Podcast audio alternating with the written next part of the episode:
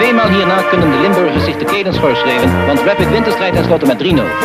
En als het eindsignaal klinkt, verdrinken alle spelers in een vloedgolf van Limburgse supporters, die in enkele seconden het hele veld overspoelt. En dit is de paas, uitvinkende paas op Jan! Ja, dat was het! 12 minuten voor rust. Roda staat op 1-0.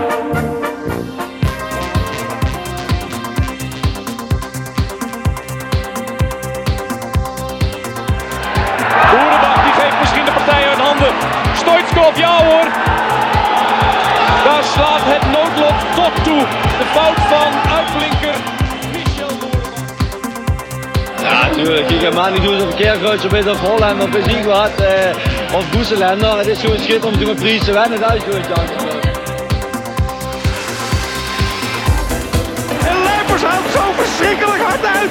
1-0 staat Roda voor. Twee ploegen op gelijke hoogte na de wedstrijd van verleden week. En Flederis dus. Mark-Jan Flederis. Mark-Jan Flederis en 2-1 voor Rode JC.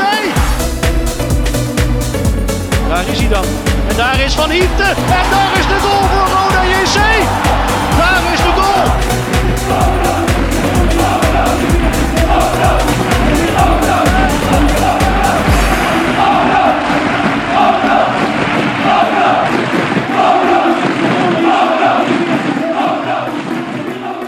Je luistert naar de Voice of Calais.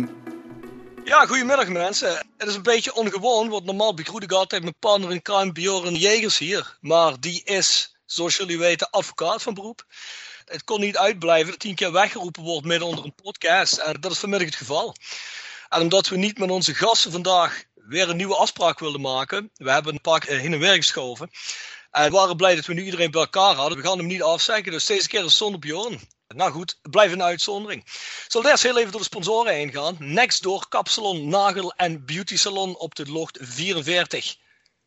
A8 of 8A, dat mag Bjorn weer verbeteren de volgende keer. Dan hebben we Jegers Advocaten in Heerlen, nooit gereinigd. Dan hebben we hotelrestaurant De Veilerhof en ons mooie Veilen. Die zijn nu weer open, net zoals Herberg de Bernardeshoeve van Marco van Hoogdalen. Ja, vanaf 1 juni gaat alles weer open uh, in Nederland, zoals jullie weten, wel met regels en restricties. Dus je moet wel reserveren, dus doe dat even voordat je de mannen gaat ondersteunen. Dan hebben we GSR Music, www.gsrmusic.com voor het hardere muzieksegment. Rappi autodemontage op de locht 70 te Kerkrade. Internetgroep Limburg slash iPhone reparatie Limburg. We bouwen pad 7 in Beek voor al je webdesign. Hebben stok grondverzet voor al je graafwerk. Willeweber Keukens in de Boebegraaf 1 in Schinveld. Keukendesign voor elke beurs. Van Ooije Glashandel sinds 1937 kwaliteits glaszetten. Reparatie met dag- en nachtservice. Quick Consulting, Change Management door empowerment van je medewerkers. En tenslotte Wiert's personeelsdiensten. Als je op zoek bent naar versterking voor je personeel, klop je aan bij Wiert's personeelsdiensten. Die vind je trouwens ook in het PLS op de bovenste verdieping. Nou mensen, de prijsvraag van de wielerploeg met de Netflix documentaire die hebben we vorige week opgelost. Dus die prijs is eruit. Er zal vast wel weer een moment komen in deze podcast, zoals er vrijwel elke podcast komt, waar iemand zich aan iets niet kan herinneren. Dan mogen jullie het invullen en kunnen jullie een Voice of Calhei shirt en wij zijn rode sjaal winnen. Dus ja, goed, blijf opletten. Uh, gepresenteerd en geproduceerd is de podcast zoals altijd door South 16. En als je fan-gerelateerde of voetbalcultuur gerelateerde merch wil kopen, dan kun je dat doen op shop.south16.com. Dan vind je ook de Voice of Calais shirts. En schrijf naar de Voice of Calais at south16.com als je vragen, opmerkingen hebt voor de gasten die wij hebben, of in het algemeen voor Bjorn en mij. Nou, dan komen we de tip van de week. Ik heb een leuke tip voor jullie deze week. Dat is een podcast, heet Giant. Dat is een nieuwe podcast die zit op Spotify volgens mij exclusief. Dat is uh, een en al voetbal is dat. De eerste episode heb ik geluisterd. Dat gaat over de tijd van Ronaldo bij PSV. Het is een hele leuke podcast. Die is heel goed gedaan trouwens. Een, wel in het Engels. Ik heb net uh, een stukje begonnen over Magnificent Seven. Er worden zeven bekende vrouwen uit het vrouwenvoetbal worden daar geïnterviewd. Het is een leuke podcast, wordt onder andere gedaan door de mannen van Mondial Magazine. En Mondial Magazine is ook een voetbalmagazine in Engeland dat eigenlijk alles doet dat ietsje verder gaat dan het oppervlakkige in het voetbal. Veel voetbalcultuur en veel supporterscultuur. Dus check die twee dingen uit. Nou, komen bij onze gasten. Promotie 215. Ja, verder zijn we nog niet veel gepromoveerd. Het was in de eerste 41 jaar Eredivisie niet nodig. In 215 zijn we gelukkig met de hakken over de sloot. En zoals L1 dat in een documentaire noemde, op karakter gepromoveerd. En ik denk dat we twee karakterjongens in deze podcast hebben van dat seizoen. Welkom Arjen Swinkels en Tom van Hiefte. Goedemiddag. Dankjewel. Dankjewel. Ja jongens, het was een moeizaam seizoen. Het begon volgens mij redelijk goed. En de tweede seizoen zelf was soms een beetje, ja, tenminste vanaf de tribune vond ik het soms moeilijk. Ja, dat klopt. Denk, eh, Swinkels is geloof ik na de winterstop gekomen, hè, of niet? Ja, is die. Dus uh, dat was al. Uh, ik denk dat wij heel goed op zich tot de winterstop wel hebben kunnen meedoen. En dat we dan thuis, denk net voor de winterstop, verloren hebben tegen NEC. En die, uh, die pakte dan ja, redelijk wat punten op ons. En na nieuwjaar herinner ik mij, die eerste, die eerste maand januari was qua bekervoetbal super. Want uh, we winnen thuis PSV. Maar alle wedstrijden die we, die we dan in de competitie speelden, gingen verloren. RKC uit ging, ging verloren, weet ik nog. Uh, ja, de derbies, eh, MVV en Fortuna, dat was ook in die maand. Dat was ook niet, zo, niet zo denderend. Ja, dus dat was een beetje. Ja. ja. en dan hebben we eigenlijk heel het kampioenschap, denk ik. ja, NEC pakte toen wel punten. Al verloor hij ook in de eerste wedstrijd na nieuwjaar. Verloren wij ook. En dan, uh, daarna hebben die gewoon niks meer laten liggen. En ja, was voor ons kampioenschap sowieso, uh, sowieso ver weg, denk ik. Eindigde die niet met over 100 punten, 90 punten of over 100 punten? Zoiets? Over, de, over de 100 dacht ik, kan me niet Ja, ja, niet normaal.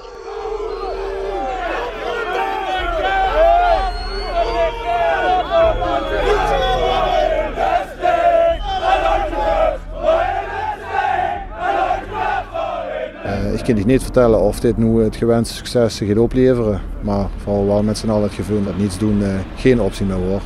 Ik hoop echt van ganse harte dat ze het halen en dan zal ik net zo heel metjuichen. Wedstrijd of vijf voor het einde verliezen we met 6-0 uit bij Sparta. Daarna vertrekt ook René Trost. Die zegt van ja, ik denk dat er een verandering nodig is. Ik heb niet het gevoel dat ik hier nog veel veranderingen kan aanbrengen.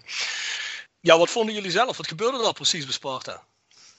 Ja, ik denk dat we bij Sparta gewoon een, een tactisch uh, plan hadden wat, uh, op zijn zacht gezegd, uh, niet helemaal tot zijn uiting kwam. En ja, dat, dat was en een off-day en er stonden te veel jongens op een andere positie dan normaal. Ja, en toen mm zag je met, met de Sparta die, de, die, die vorm had die dag. Ja, dan was het een, een kansloze wedstrijd. En ja, de, uh, wat je al zei daarvoor, het, schommelde een beetje qua resultaten. Dus we hadden niet uh, super veel vertrouwen op dat moment. En, nou, en toen, uh, toen eenmaal die 2-0 viel en, en die 3-0, toen zag je dat de kopjes wel gingen hangen. En toen was het ja, gewoon een grote afstraffing. Zoals je zegt, het schommelde al een beetje. Het voelde op dat moment dat het zal toch niet fout gaan nou helemaal op het einde. En die 6-0 was daar een beetje de kroon op. Tom, had jij misschien het gevoel dat René dan niet meer goed zat? René Troost. Uh, in de groep misschien niet. Ik denk dat René zelf gewoon voor zichzelf heel veel druk had opgelegd op dat moment. Omdat ook ja, zijn club was die hij eigenlijk uh, uh, terug naar het hoogste niveau moest brengen. Maar ik denk dat René daar eigenlijk voor zichzelf ook besloten heeft, zeker met alles wat er na de match is gebeurd daar, opgewacht door supporters, gesprekken en dergelijke met supporters, dat het voor hem ook een beetje druppel was. op dat moment zelf had ik niet het gevoel dat hij dat zou doen. Maar ik weet dat hij denkt dat morgen dat ik met hem gesproken heb, zelfs telefonisch contact, dat hij zei van ja, ik red het niet meer. Dat is niet meer, ook voor mij, maar ook voor de club is misschien goed dat er iets, uh, iets verandert. Hij heeft eigenlijk zijn eigen persoon aan de kant geschoven. Uh, was dat noodzakelijk? Op dat moment misschien niet, maar goed, achteraf gezien is misschien wel het, uh, de goede keuze gebleken ook van hem om, om zelf op te houden en misschien ook wel een, schok, een schokeffect ja, te creëren bij ons en bij de groep. Ook een beetje verantwoordelijkheid bij de groep te leggen. Hè. Dus achteraf is gebleken dat het misschien wel de juiste keuze was. Je bent assistent samen met en René Tros treedt terug. Wat gebeurt er dan precies? Er gebeurt er heel veel. Uh, allereerst uh, een collega, een, een, zeer gewaardeerd collega René, die, die maakt een stap terug. Uh, geeft eigenlijk meer te kennen ook van, eh, ik, ik stap ook zelf terug, want ik krijg het niet meer voor elkaar. Ehm, ja, dan, dan voel je de klompen aan dat, dat de vraag bij jou en bij Regilo terecht gaat komen. en dat het een zeer, hoe moet ik het zeggen, een zeer pijnlijk moment voor René was. Want hij had natuurlijk gehoopt, als kerkraadse jongen, om ja, voor iets te kunnen betekenen, om die terug naar de Eredivisie te brengen. En hij heeft daar heel veel uh, energie in gestoken en heeft helaas niet eruit kunnen krijgen wat erin zat. En, uh, maar door Regilio en mij naar voren te schuiven, hebben wij toch nog wel een en ander van René door kunnen trekken. Waardoor hij tot op de laatste dag erbij betrokken is geweest. Dus dat vind ik wel heel fijn voor hem. Vond je dat René te hard was voor zichzelf op dat moment? Uh, te hard voor zichzelf. Nee, ik denk dat hij gewoon zijn verantwoordelijkheid heeft genomen. En hij zag gewoon van, uh, als ik het niet voor elkaar krijg, dan, uh, ik ben niet belangrijker dan de club. Hij heeft de club vooropgesteld. En dat, ik denk dat hem dat siert als mens, hoe hij in elkaar steekt. Getuigen ook dat hij nu, afgelopen periode, er weer in is gestapt. en er voor de club is geweest. Die 6-0, dat doet altijd wat. En, en, mensen in de club die denken altijd, dat moet iets gaan gebeuren. Kijk, ik kan me nog het ontslag van Ruud Brood uh, herinneren. Dat we bij NEC verloren op zaterdag. En eigenlijk uit het niets, twee wedstrijden voor het einde, dat, dat hij eruit moest. Soms gebeuren dit soort dingen. En soms moet er iets gebeuren om op een andere manier iets los te maken. En ja, de ene keer werkt dat wel goed, de andere keer werkt dat niet goed. Ik weet dat we nog vijf wedstrijden volgens mij in de competitie moesten spelen. En, um, ja, en we hadden nog niks. We hadden nog geen na-competitie. En we hebben toen korte haalbare doelen gesteld. En we zijn aan de slag gegaan. En ik, ja, je vergeet eigenlijk uh, Robert-Jan Zoetmuller, want die was er eigenlijk ook een part of de, of team. Want hij heeft ook uh, zijn steentje bijgedragen aan het uh, teamproces dan. We hebben nummer 7 op een borstel. Het is gewoon prijsje. De leek wel een kermis Veranderde daarna ook daadwerkelijk iets? Dus hadden jullie het gevoel, behalve dat schokeffect, dat je een beetje geconfronteerd werd ermee, nou René Tros gaat, die neemt verantwoordelijkheid, we moeten misschien ook de handen in eigen boezem steken. Veranderde daarna speltechnisch iets? Of qua vibe in de groep? Mm, ja, weet ik eigenlijk niet. Ik denk dat je veel geluk hebt gehad uh, die wedstrijd daarna. Dat meteen alles, alles goed viel. En dat dat meteen een grote boost gaf. Dus je hebt, ik denk dat, ja, of dat per definitie de, de wisseling, dat dat het grote verschil is geweest, weet ik niet. Maar ik denk dat het wel de ogen van iedereen geopend heeft. En die wedstrijd daarna tegen Helmond, dat die uh, dan zo goed loopt.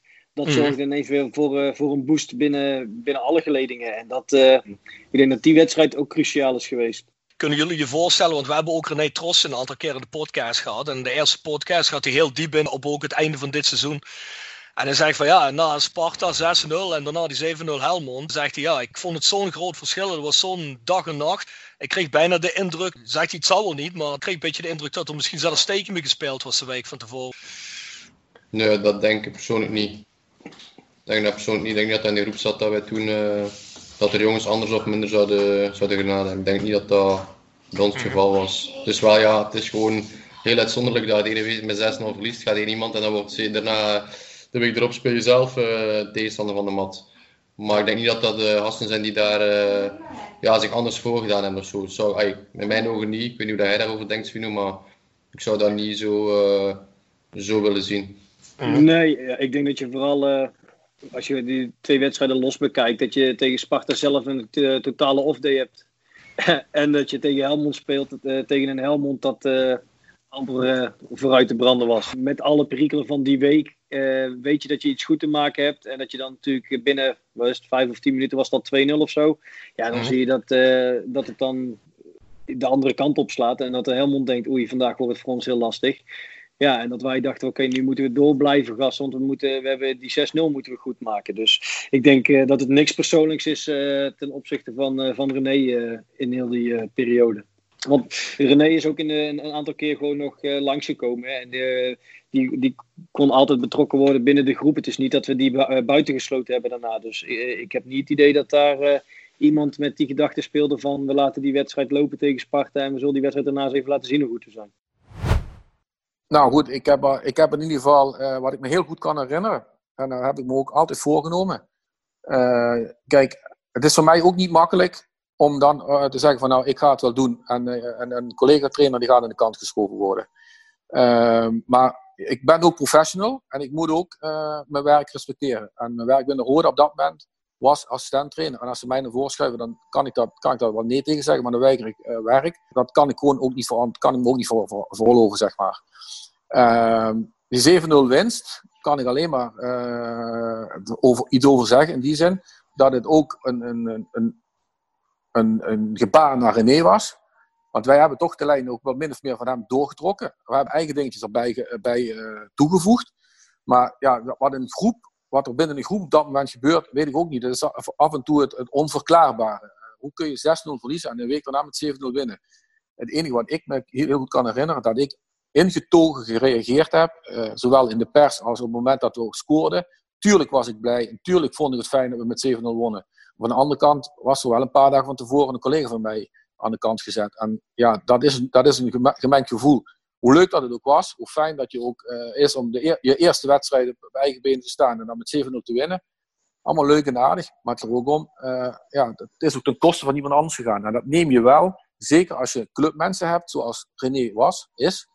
Uh, dat, dat blijft, altijd, blijft je altijd achtervolgen. Het lijkt dat jullie het laatste gedeelte van het seizoen, die laatste wedstrijd, dat jullie een stuk dichter bij elkaar trekken als groep. Was het zo? Dat is voor mij lastig, omdat ik natuurlijk pas uh, eigenlijk uh, begin februari echt uh, aan kon sluiten bij de groep.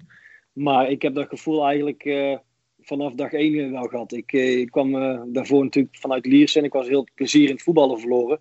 En ik, toen ik bij Roda kwam, toen kreeg ik weer ter, terug plezier.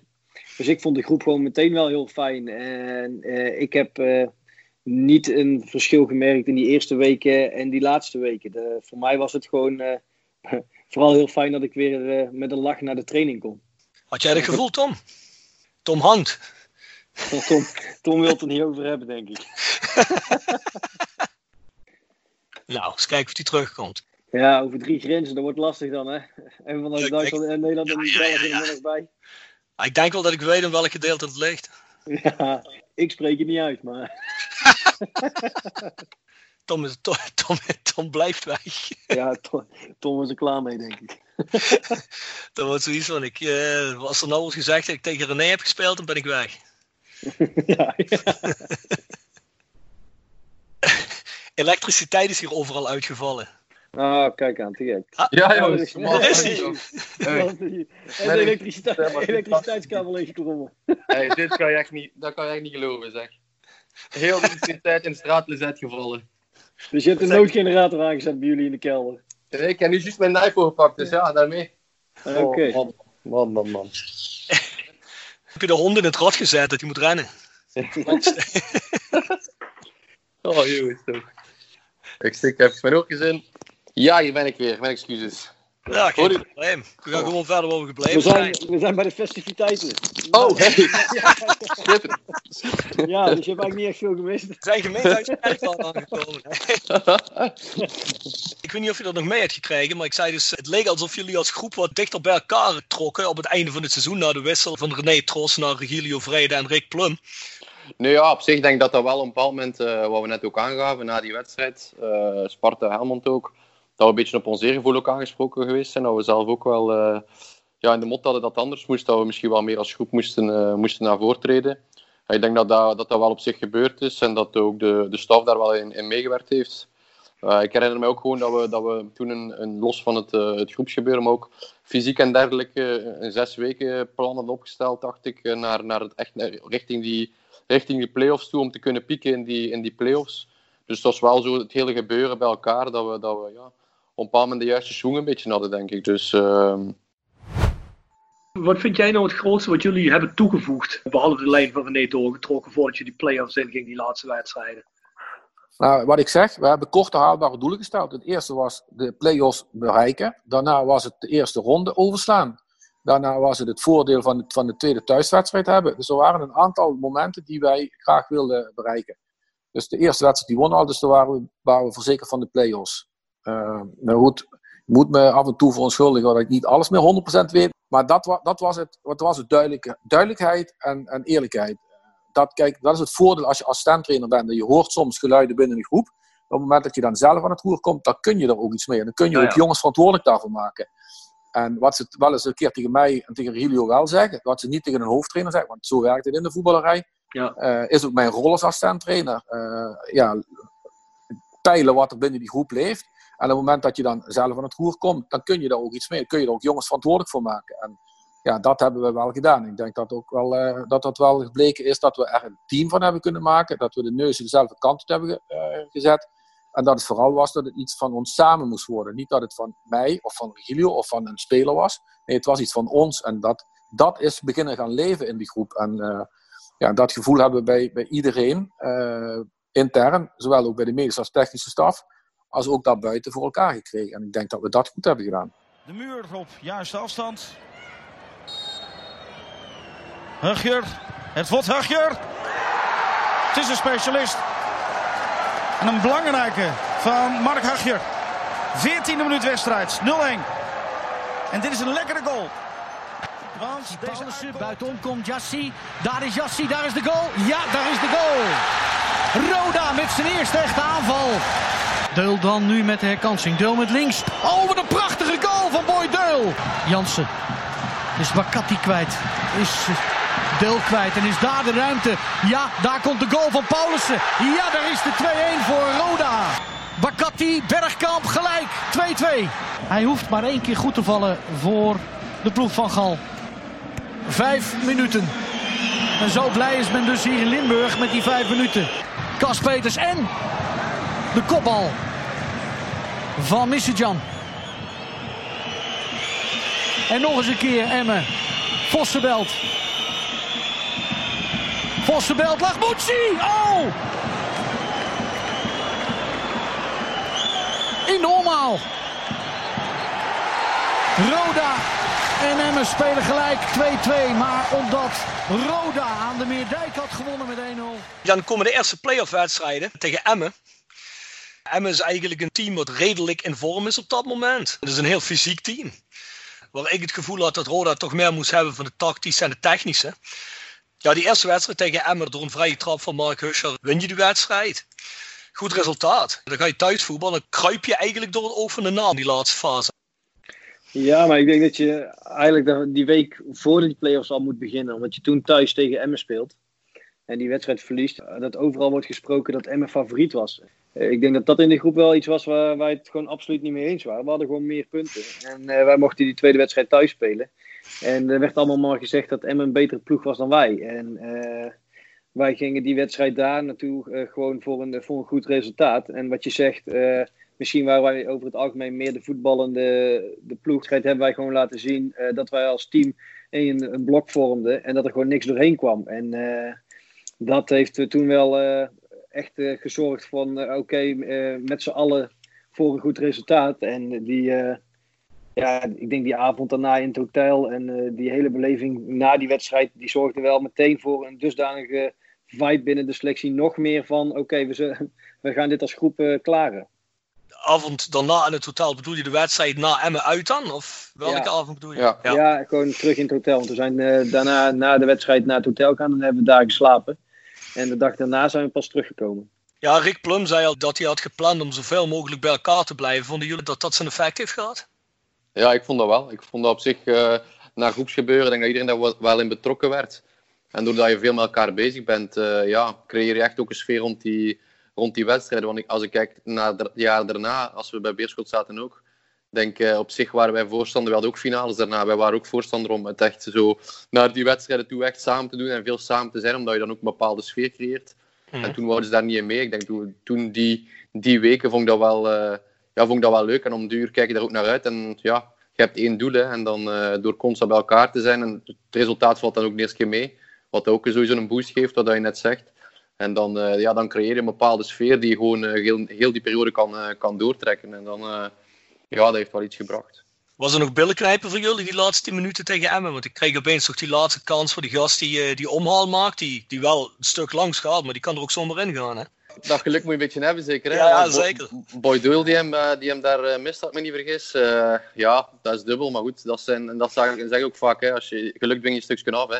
En ik denk ja. op dat moment waren we wel, uh, waren we als groep wel zo, zo sterk. Ik denk zeker daar hebben we echt een goede wedstrijd gespeeld, verdedigend. Wat dan misschien niet onze sterkte was in het begin dat jaar. Maar we stonden echt als blok. We hebben daar uh, niks weggegeven. En daar hebben we vooral getoond dat ik denk dat we sterker waren. En ja, in sommige wedstrijden heb je dan een keer het, uh, het geluk een beetje nodig, denk ik. Maar al bij al denk ik wel dat die kwalificatie, ook al was het thuis misschien iets moeizamer, dat die wel verdiend was op dat moment. Plus het feit dat ik denk dat als je kijkt, je begint die wedstrijd gewoon goed. En uh, uit uh, Boy daar die, volgens mij is de 1-1 binnen van een bal die er nooit in kan. En van, van tevoren waren ze nog, hadden ze nog niks laten zien. En ineens, door een, een zondagschot die in de verre hoek binnenvalt, ja, zie je, zeker als het, het verschil maar één doelpunt is, ja, dan, dan verandert ineens die hele spanning in zo'n wedstrijd. En dan is het niet meer, we gaan mooi voetbal en we willen 2-3-0 winnen. Nee, je moet gewoon door. En ja, dan is het inderdaad die laatste 10 minuten billen knijpen. En dan weet je, Uh, aan de andere kant denk ik wel, als ik die twee wedstrijden terugkijk, ja, dat ik nooit het idee heb gehad, misschien buiten die omhaal, dat we die goal tegen zouden krijgen. Nou, ik, moet, ik wil nog heel even teruggaan. Kijk, mijn eerste uh, opdracht die ik met Trujillo toen heb gezegd is van, we gaan het vast team neerzetten. We gaan een vaste speelwijze hanteren en duidelijkheid geven naar wie waar staat. En de eerste wedstrijd was Frank de Moes in de spits. Dat was het begin. Hmm. Maar die Frank die, die schopt in de tweede wedstrijd bij PSV net voor rust onder een schoen in. Breekt hij zijn teen. Dus kon, konden we weer het hele systeem omgooien. Moesten we met een andere spits gaan spelen. Toen hebben we Anko Jans in de spits gezet. Uh, dat een heel ander type is, waardoor dat je ook heel anders moest gaan spelen. Weer anders moest gaan trainen. Dus dat was een hele kort tijd. Dus daar hebben we heel veel voor onze kiezen gekregen. Nou, terug naar de wedstrijd van, van Emmen. Uh, wat ik daar nog heel goed kan herinneren, is dat we aan de vooravond van ook met de supporters bij elkaar hebben gestaan voor het stadion. De relatie tussen de spelers en, uh, en, en, het, en, en de sporters, die was niet helemaal optimaal. En ik weet dat Ron Meijer mij toen gecontacteerd heeft en gezegd van Rick, wij willen het s'avonds komen met duizend man naar de training. We willen jullie een hart onder de riem steken. Zeg maar Ron, ik krijg dat niet voor elkaar. Ik kan niet uh, uh, de avond van tevoren gaan trainen. Dan breng ik alles, uh, alles in de war. Bioritme, het eten, dus de rust, alles erop en eraan. De, de tijd naar de wedstrijd. Dat was allemaal te hectisch. Dan hebben we toch op de dag voordat we naar Emmen gingen, hebben we toch met, met man 400, 500 voor het stadion gestaan. Ik weet nog goed, dat werd een beetje missiemaat, werd dat. Tenminste, dat waren de woorden die ik toen heb uitgesproken. En proberen het contact richting die spelers weer goed voor elkaar te krijgen. Waarom zeg ik dat? Omdat we in Emmen 1-0 winnen. Tegen een ploeg die volgens mij 90 keer gescoord had in de competitie. Uh, de gedood, ja, ik wil niet zeggen de gedoodverfde uh, favoriet was, maar het was wel het team in, in vorm. En het was een heel moeilijk bespeelbaar team, wat je zegt, een heel fysiek team. En wij winnen daar die wedstrijd. We houden de nul. we scoren via een vrije trap van Husser. En dat was al eigenlijk uh, ja, een, een, prestatie op zich. Nou, toen deed de trainer van, van, van Joop Galder, nog een stapje bovenop, of een schepje bovenop in de, in de persconferentie.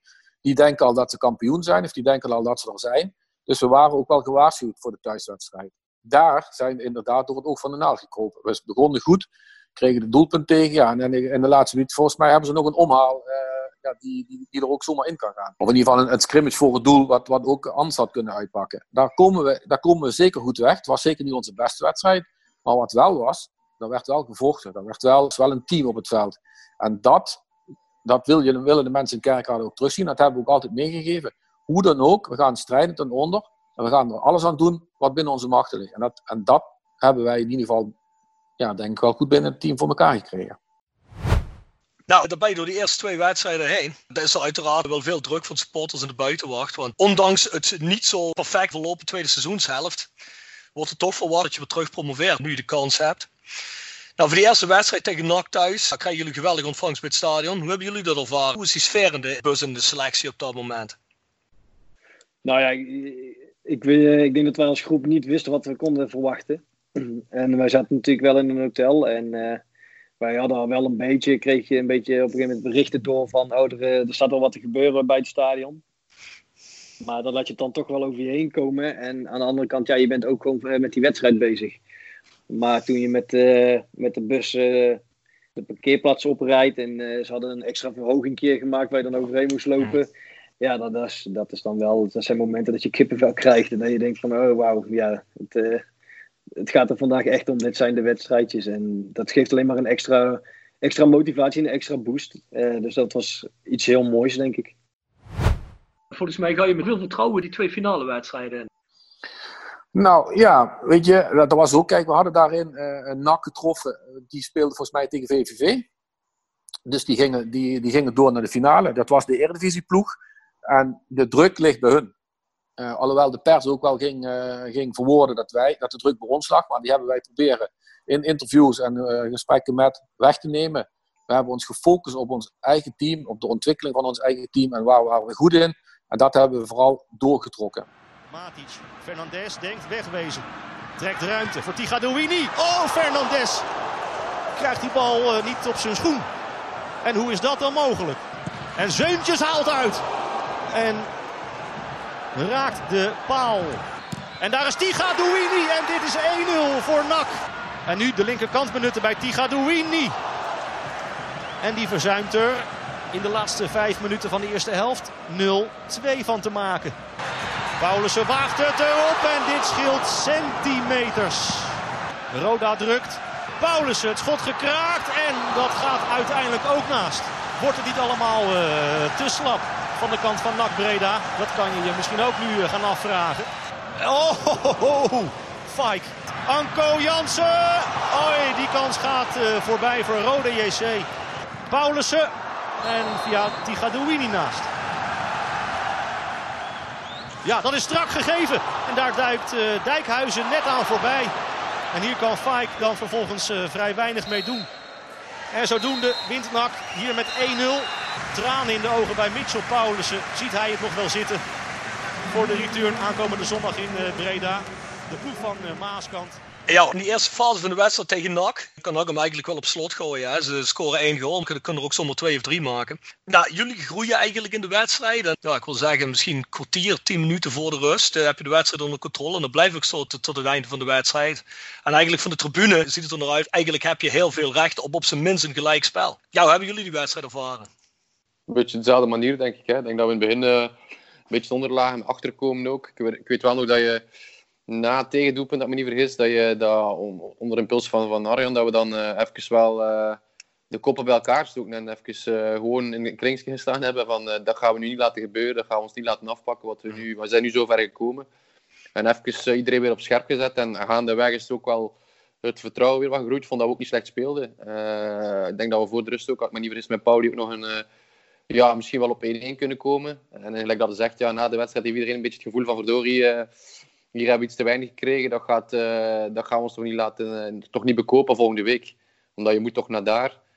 weten dat NAC ook uitverkocht zal zijn, dat NAC ook thuis speelt, dat zij de club zijn in de Eredivisie. Anderzijds is het ook zo dat, dat, zij natuurlijk ook wel een heel jaar ja, de miserie hebben gehad. Hè. Onderaan gespeeld, heel veel druk gehad, heel veel negativiteit er rond. En uh, dat pak je dan wel mee. Dus dat gevoel was na de wedstrijd wel van, ondanks het verlies, ontgoocheld natuurlijk wel, maar niet van, we zijn geslagen, het gaat niet meer lukken. We gaan dat dan volgende week wel op dezelfde manier proberen te doen en dan maken dat we toch wel nog, uh, ja, toch nog uh, ja, die, die promotie afdwingen. Dat gevoel is wel altijd, denk ik, bij iedereen ja, gebleven en geweest. Mr. Paulussen was zelf misschien wel een van de beste spelers in die twee wedstrijden tegen NAC. Ja, het is nu, hoeveel jaar is het precies geleden? Vijf, hè? Vijf, vijf jaar. Ja, dus uh, ja, hoe heb ik het, hoe heb ik het beleefd? Ik weet nog, uh, weet je, kleine dingetjes, die weet je nog uh, precies. En ik weet dat we de eerste wedstrijd veel beter waren, thuis. Ja. En dat dat uiteindelijk ook um, zoveel vertrouwen heeft gegeven dat we ook echt erin geloofden uit. Dat we, ja, dat we gewoon echt konden winnen. Met 0-1 verlies je en je komt ook vrij snel achter. En eigenlijk hebben we een periode waarin je ja, eigenlijk 2-0, 3-0 kunt achterstaan. Maar later nemen jullie even in handen. Ben je eigenlijk de betere ploeg voor de hele wedstrijd gezien. Ja, ik kan me nog herinneren. Op het einde kon je volgens mij de tranen niet tegenhouden. Was dat nog wat teleurstelling? Of dacht je eigenlijk, we gaan hem niet redden? Ja, ik weet niet. Ja, niet echt teleurstelling, maar meer gewoon een beetje van ja, dat we meer hadden verdiend. Ja. En, uh, maar daarna was het ook weer, ik weet nog dat we daarna weer in het, met, uh, samenkwamen in het midden. Met het hele team, weet je wel, wisten erbij gewoon uh, het hele team. En toen begon iedereen uh, ja, te schreeuwen en te doen. En uh, weet je wel, we pakken ze. En uh, ja, toen was wel het gevoel van ja, gewoon het vertrouwen. Dat was er wel. Nou, wat je zegt, die wedstrijd. Ik heb die andere wedstrijd wel nog eens een paar keer teruggekeken. Dat die bijvoorbeeld op Fox een keer was. Of, maar die, die eerste wedstrijd heb ik eigenlijk nog nooit teruggekeken. En, en voor mijn gevoel waren we echt veel, ja, veel beter. En, en ja, had ik ook het idee dat bij NAC niet zo ja, dat het niet zo goed zat bij hun en dat gewoon, uh, het ook niet zo leefde als bij ons. Ja. En, en ja, ik denk dat we daar wel uh, voordeel uit hebben gehad. Ja, ik denk dat bij nog een beetje het gevoel was, dat gaan we wel redden. Het was ja. ook de eredivisieploeg. Zeker de tweede helft was het echt een veel sterker Roda. En ik denk ook wat jij zegt, dat het zelfvertrouwen. Op de tribune merk je dat ook. Kun je misschien nog wel herinneren. Jullie deden ja. nog een rondje, je kreeg een staande ovatie. Iedereen bleef ook gewoon staan. En ik denk dat iedereen het gevoel had, want ik weet nog, na die wedstrijd zeiden we allemaal, oh, dat gaat goed komen in drie dagen. Waarom weet ik niet, maar iedereen ja, had het gevoel. Ja, dat hadden ja. wij ook een beetje. En ook wat je zegt, dat, uh, ja, dat er zoveel mensen bleven staan. Echt meer dan normaal. Dat, dat gaf ook wel uh, een teken. En ja, we hadden ook gewoon een hele goede groep. Uh, zeg maar dat laatste, um, ja, die laatste periode, die echt um, ja, dat wilde winnen, zeg maar. En, Mhm. eh, ja, dat was ook wel eh, het verschil denk ik met, eh met NAC. Hoe was kleedkamer na die wedstrijd? Nou, goed eigenlijk. ik, eh, ik ik merk nog dat eh, na het fluitsignaal eh, dat er één of twee jongens op de grond gingen zitten. Ik weet ook dat Mitchell daarbij zat. En daar ben ik eigenlijk meteen naartoe gelopen van opstaan. Want als we dit laten zien, laten we een teken van zwakte zien. Dus ga gewoon staan en we gaan gewoon met opgeven hoofd naar binnen. En je merkt een beetje in de catacombe dat NAC wel deed van oké, we hebben hier gewonnen, dus we hebben de klus geklaard. In, die, eh, in de interviews en het, leek allemaal wel of het allemaal al klaar was. En of dat zo is, dat weet ik niet.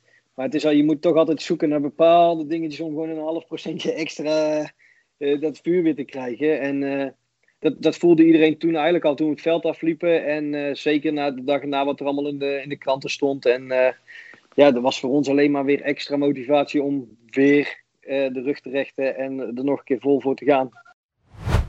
Ja, er is heel veel gebeurd, ook nog daarbuiten. Hè. Dat is misschien wel, wel, wel leuk om te vertellen. Dat eigenlijk de kopjes na de wedstrijd tegen NAC eh, echt bijhingen. Zo van, ja jongens, eh, weet je, en nu? Eh, wij zijn absoluut niet kansloos. Er waren jongens waren aan het huilen. Er was, stond er al eentje onder de douche. Die was zich al aan het, aan het verzorgen. En ja, totdat ik door de medische staf naar binnen geroepen werd, door het kleedlokaal in. Zeg van, trainers, kom eens even, want er is wat, wat, wat gaande in die groep. Ja, toen hebben wij de boel bij elkaar getrokken. Eh, ik durf zijn naam ook gewoon erbij te noemen, want dat heb ik al eens vaak gezegd. Frank de Moes, die stond toen al onder de douche. En eh, Frank die was, was gepikeerd omdat hij niet in was gevallen, want ja, we kregen kansen. Maar wat, wat niemand wist, of wat maar niet duidelijk was, dat was als Frank die wedstrijd had gespeeld, die eerste, dan had hij de zondag in Breda dus nooit meer kunnen spelen. Dat wist ik. Die boodschap had ik meegekregen vanuit de medische staf. Dus ik had altijd de overweging gemaakt om Frank, te- te laten spelen of niet te laten spelen. Maar als ik hem op donderdag laat spelen, weet ik zeker dat ik hem op zondag niet heb. En ik had hem er graag bij zondag. Dus eh, dat was wel een beetje zo van, eh, wat wat was spanning binnen die groep. Ja, waarom heb je hem niet in laten vallen? Eh, er waren, waren jongens aan het huilen. En dat hebben we eigenlijk, dat hebben we eigenlijk kunnen draaien. Dat hebben we eigenlijk in een positieve zin kunnen ver- verwoorden met elkaar. Wat er binnen die groep begon te leven, dat was gewoon top. Ik weet nog goed, Tom van Niest was de aanvoerder. Arjan Swinkers, die zat naast hem. En toen ben ik het kleedlokaal uitgegaan en heb ik tegen hem gezegd, wij zijn er nu niet meer bij als staf. Wij kunnen niks meer doen. Wat wij kunnen doen, hebben we net gedaan. De boel bij elkaar gehouden. Geen, eh, geen, eh, geen dingen laten rondsluimeren. Maar wat wij toen gedaan hebben, hebben Frank, eh, door Arjan, die kenden elkaar heel goed natuurlijk vanuit de Willem II-periode. En die zaten ook bij elkaar, hebben ze Frank rustig gehouden. En de dag daarna werden allemaal een beetje weer eh, gesust. En is dat heel rustig gebleven in het kleedlokaal. En, en daar heeft Tom en, en eh, Arjan Swinkels, die hebben daar, en Benjamin, en, en misschien vergeet ik hier of daar wel eentje, eh, maar die hebben daar een behoorlijke rol in gespeeld. Dus daar was wel wat spanning, maar hoe, dat, hoe we dat hebben kunnen keren in het voordeel, ja, je kunt verliezen en je kunt verliezen. Hè. Eh, en deze wedstrijd hebben wij verloren en, en eigenlijk was dat niet terecht. Nogmaals, wat ik zeg, je kon na, drie, na, na, na, na 30 minuten kon je met 3-0 achter staan. Hadden we niks te vertellen gehad.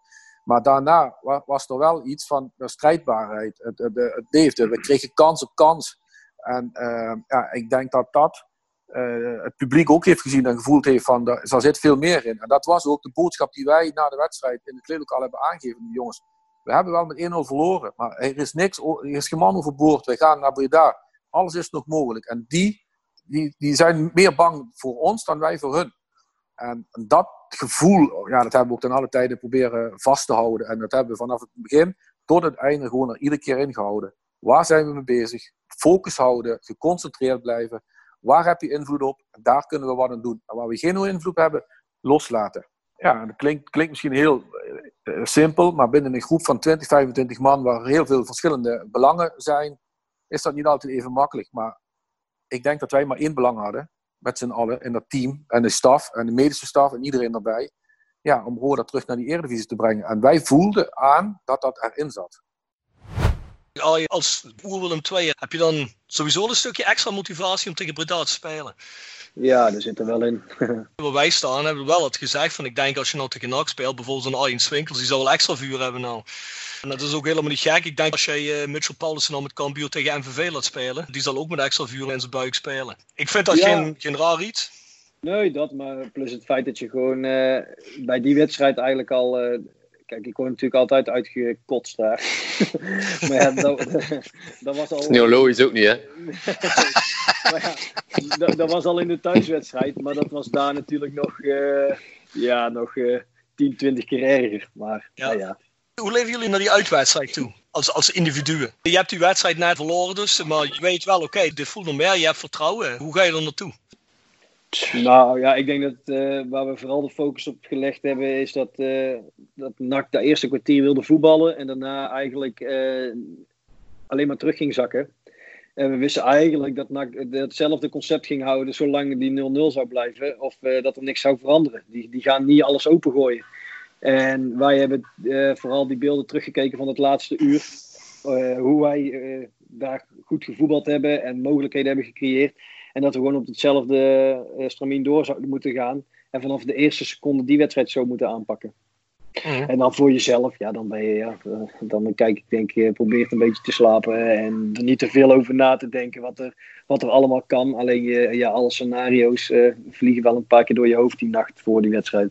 Ja, dat is spannend. Hè. Voor mij was het de eerste finale dat ik ging spelen. Hè. Ik had met, met MV wel een paar keer na competitie gespeeld, maar nooit uh, de finale gehaald. Dus voor mij was het ook ja, de kans om een keer uh, om de stap te zetten. Dus voor mij was er wel, uh, ja, was wel spanning, denk ik ook. Hè. Ik denk, we zijn ook naar, in Breda gaan slapen. Ik weet ook nog, ay, zelf heb ik dat niet meegemaakt, maar als ik door ook, zijn ze s'nachts ook aan ons hotel komen staan, ik me niet vergis, met, met lawaai te maken om onze, uit onze concentratie al te halen. Dus ja, je merkte gewoon aan alles dat dat, dat super uh, belangrijk, super heftig ging zijn. Ja. Dus er was wel wat spanning, denk ik, bij mij. Ja, dat was een beetje het onbekende ook. Maar anderzijds ook het, het uitdagende. Hè. Ik bedoel, ja, om het toch nog te klaren, om dan toch die stap te zetten. Dus spanning, maar wel, uh, wel uitdagend. Hoe ging je die laatste wedstrijd in? Vol zelfvertrouwen of toch heel erg nerveus? Ik denk een beetje beide. Ja? We gingen, we gingen een dag eerder, dus we sliepen daar uh, in een hotel. En, uh, dus dan ga je gewoon s ochtends een beetje ontbijten, dan ga je, gingen we een wandeling maken. Gewoon een beetje, ja, een beetje de tijd dooien, zeg maar. En uh, ja, toen was iedereen wel een, wat meer gespannen als normaal. En uh, toen kregen we nog mooie, mooie filmpjes te zien van, uh, van familie en zo die dingen hadden ingesproken. Mm. Dus dat was ook wel zeg maar zo'n moment dat je echt zo die spirit voelde. En hoe sta je dan zo'n team in? Hoe, hoe leef je naar die, die laatste wedstrijd toe? Nou, in die, in die weken ervoor ook al zijn er best een aantal dingen gebeurd. We hebben bijvoorbeeld Frans Timmermans als spreker voor de groep gehad. Een geweldig verhaal van die man. Uh, we hebben uh, videoboodschappen van Huub Stevens, uh, van, van David de Fouw, van Pamadou K. Eh, die hebben een boodschap ingesproken. Op de dag van de wedstrijd hebben de familieleden van de spelers en, en vrouwen van of kinderen nog wat gedaan. Dat heeft Ger Zende toen achter onze rug om geregeld. Je, je probeert in alle rust, dat bedoel ik mee te zeggen, rustig te trainen, te goed, te, goed te eten, je rust te pakken, uh, je goed voor te bereiden met videobeelden. Uh, en vooral een bepaalde ontspanning te creëren, maar waar wel de focus is op het presteren van, van die wedstrijd. En ja, ik denk dat we, dat we dat goed hebben gedaan. Dat het iedere keer weer centraal stond, focus, geconcentreerd. En ja, ik denk door de duidelijkheid die we hebben verschaft aan de spelers van jij bent onze eerste rechtsback en als iets met hem gebeurt, dan ben jij de volgende. Ja, een bepaalde duidelijkheid gecreëerd. Ja, daardoor krijg je een team. En, ehm, en als je dan ook nog als uh, speler en als trainers uh, allemaal aan afspraken houdt, ja, dan, dan ben je al ver onder, onderweg, moet ik zeggen. En die wedstrijd, uh, de dag voor de wedstrijd, ja, goed, toen zaten we in het hotel in Prinsenville inderdaad ja, dan werden we het s'avonds, uh, was uh, volgens mij de verzorger Michel Somers, die was nog jarig. Toen zaten we nog bij elkaar. Toen kwamen nog mensen het, hotel in. Ja, die kregen dus door dat Rode daar zat. Dus s'nachts werd er nog wat vuurwerk afgestoken. Uh, werden ze nog proberen uit, uit de nachtrust gehaald te worden van, van de supporters. En ik lag toen bij Regilio op een kamer en kan je vertellen dat ik heel weinig geslapen heb. Uh, ik snurk wel eens, maar Regilio die kan er godverdomme ook wat van. Dus ik, uh, ik heb heel weinig geslapen, al was het van de spanning, maar was het ook van het gesnurk van mijn collega. Ja, en dan, dan sta je die dag erna sta je op en dan, dan ga je je weer uh, ontbijten. dan ga je ook kijken van wat wil die, wat wil die. Dan probeer je maatwerk te leveren. laat je het ontbijt vrij of laat je de een wil zich wat meer uitslapen, de ander wil vroeg erbij zijn. Daar hebben we altijd in geschipt de ploeg erbij betrokken, want ja, zij moesten het uiteindelijk ook doen. En uh, ja, dan voel je die spanning en dan, uh, ja, dan komt er nog van alles boven bij, bij die spelers. En ja, nogmaals, de, de, de boodschap van de, van de vrouwen en de kinderen, ja, dat hakte er ook wel aardig in, moet ik zeggen. Dus dat was wel, uh, het waren wel leuke momenten in de aanloop naar de wedstrijd toe, ja. ja. Ja, wanneer is die spanning er voorbij als je voor de warming-up het Radverlegstadion betreedt? Of duurt dat, dat toch nog totdat die wedstrijd begint? Of neem je dan mee de wedstrijd in? Ja, als bij mij het fluitsignaal begint, dan is het weg. Ja, de wedstrijd in die uh, in de opwarming kan mee. Vaak is bij mij als je de opwarming zeker doen, de opwarming en dan stadion ben je binnen, ben je bezig, zit in die wedstrijd en dan ben je niet meer echt zo met, met al de rond bezig. En is die spanning wel, uh, wel deels weg. En de keer dat je aan de match begint, zit echt in die wedstrijd, ben je niet echt uh, met wat, wat, wat er kan gebeuren en zo. Dus, maar ik weet wel, ja, in, voor, daarvoor ben je, ben je iets meer gespannen dan anders. Anders kan je een keer, uh, kon keer lagen, kun je een keer, een keer, een keer zeveren, zeg maar, bij ons, wat als bij ons doen. Zeker met, met swinkers kun je meestal wel grapjes uithalen, maar dan was, was ik persoonlijk dan toch wel wat iets gespanner als, uh, als de anderen. Dus, uh... Wat jullie meegegeven in de kleedkamer voor die beslissende wedstrijd? dat weet ik niet meer. Nee? Want volgens mij, hoe heet hij ook alweer, Timmermans. Ik zit zelf al te lang in Duitsland, dus ik ken al die politici niet meer van Nederland. Frans Timmermans, kwam die een speech geven of was dat al van tevoren? Ja, dat was van tevoren. Ja, plus ook familie. Hè. Dan hadden ze ook een filmpje gemaakt met, uh, met de vrouwen en, uh, of kinderen of weet ik wat allemaal. Om ons, uh, net voordat we op de bus stapten, denk ik, hadden ze ja. dat gemaakt. Dat was een teambespreking en er waren al die dingen van... Ja, de speeches van Frans die waren nog wel op zich legendarisch. Hè. Het, is, het is zo dichtbij, dat ga ik ook niet rap meer niet vergeten, dat kwam heel vaak terug. Het is zo dichtbij, zo ontzettend dichtbij en uiteindelijk was het ook. En dan kreeg je net voor vertrokken ja, beelden van uh, bij mij, mijn vrouw en mijn, uh, mijn oudste dochtertje dan. Ja, dan weet ik dat mij dat enorm uh, ja, gepakt heeft. En dat, ja, daar krijg ik nog kippenvel van als ik daaraan terugdenk. Dus ja. daar herinner ik mij. Maar verder van bespreking en dergelijke heb ik niet zo heel veel... dat zit niet meer zo ver in het geheugen, zeg maar. Die andere dingen, dat, dat zijn dingen die, die ik nog altijd die ik niet, die niet snel had vergeten natuurlijk. Toen de warming-up begon, toen, uh, ja, voor mij in ieder geval was wel de spanning een beetje eraf. En toen, uh, ja, weet je, de sfeer bij NAC is ook gewoon uh, echt top. Dus dat was ook gewoon ja, echt mooi om, om te spelen daar. En, en ja, zodra die warming-up begonnen was, toen ja, was het meer vertrouwen dan, dan spanning. Ja, dus je voelde wel dat er iets mogelijk was die dag? Ja, dat voelden we zeker, denk ik als je alles, uh, al die dingen zeg maar, bij elkaar optelt waar we over hadden, dan hadden we zeker wel uh, genoeg vertrouwen. Ja, goedemiddag en welkom vanuit uh, Breda. Een kollekend radverlegstadion maakt zich op voor de ontknoping van dit seizoen voor NAC. Met hier Tiga Douini, de man van die belangrijke goal in de heenwedstrijd in Kerkrade ongelooflijk mooie entourage voor deze wedstrijd. Waarbij natuurlijk ongelooflijk veel op het spel staat. Welke ploeg maakt de eredivisie compleet voor volgend seizoen? Die heeft het veld inmiddels uh, verlaten, is de kleedkamer ingegaan. Hier is Paulussen, hier is Paulussen. En daar is de goal voor Roda JC. De achterstand uit de heenwedstrijd is goed gemaakt. Via de man die in Kerkrade zo goed was in de eerste helft. En wat blijft hij hier rustig. Wat is hij hier ijzig koud. Hij omspeelt de Rauwelaar en trekt de stand gelijk. Mitchell Paulussen 0-1. Wat gaat er dan door je hoofd op dat moment? Ja, ik, ik weet ook dat ja, dit was niet echt. Het was, we waren niet echt uh, zeg maar heel zeker aan de bal. En uh, ja, hun ook niet. Het was echt een beetje een rare eerste helft, vond ik. En uh, ja, dat, dat moment kwam een beetje ja, uit de lucht vallen, denk ik, die goal. En het was gewoon een perfect moment voor ons. Gewoon één minuut voor rust.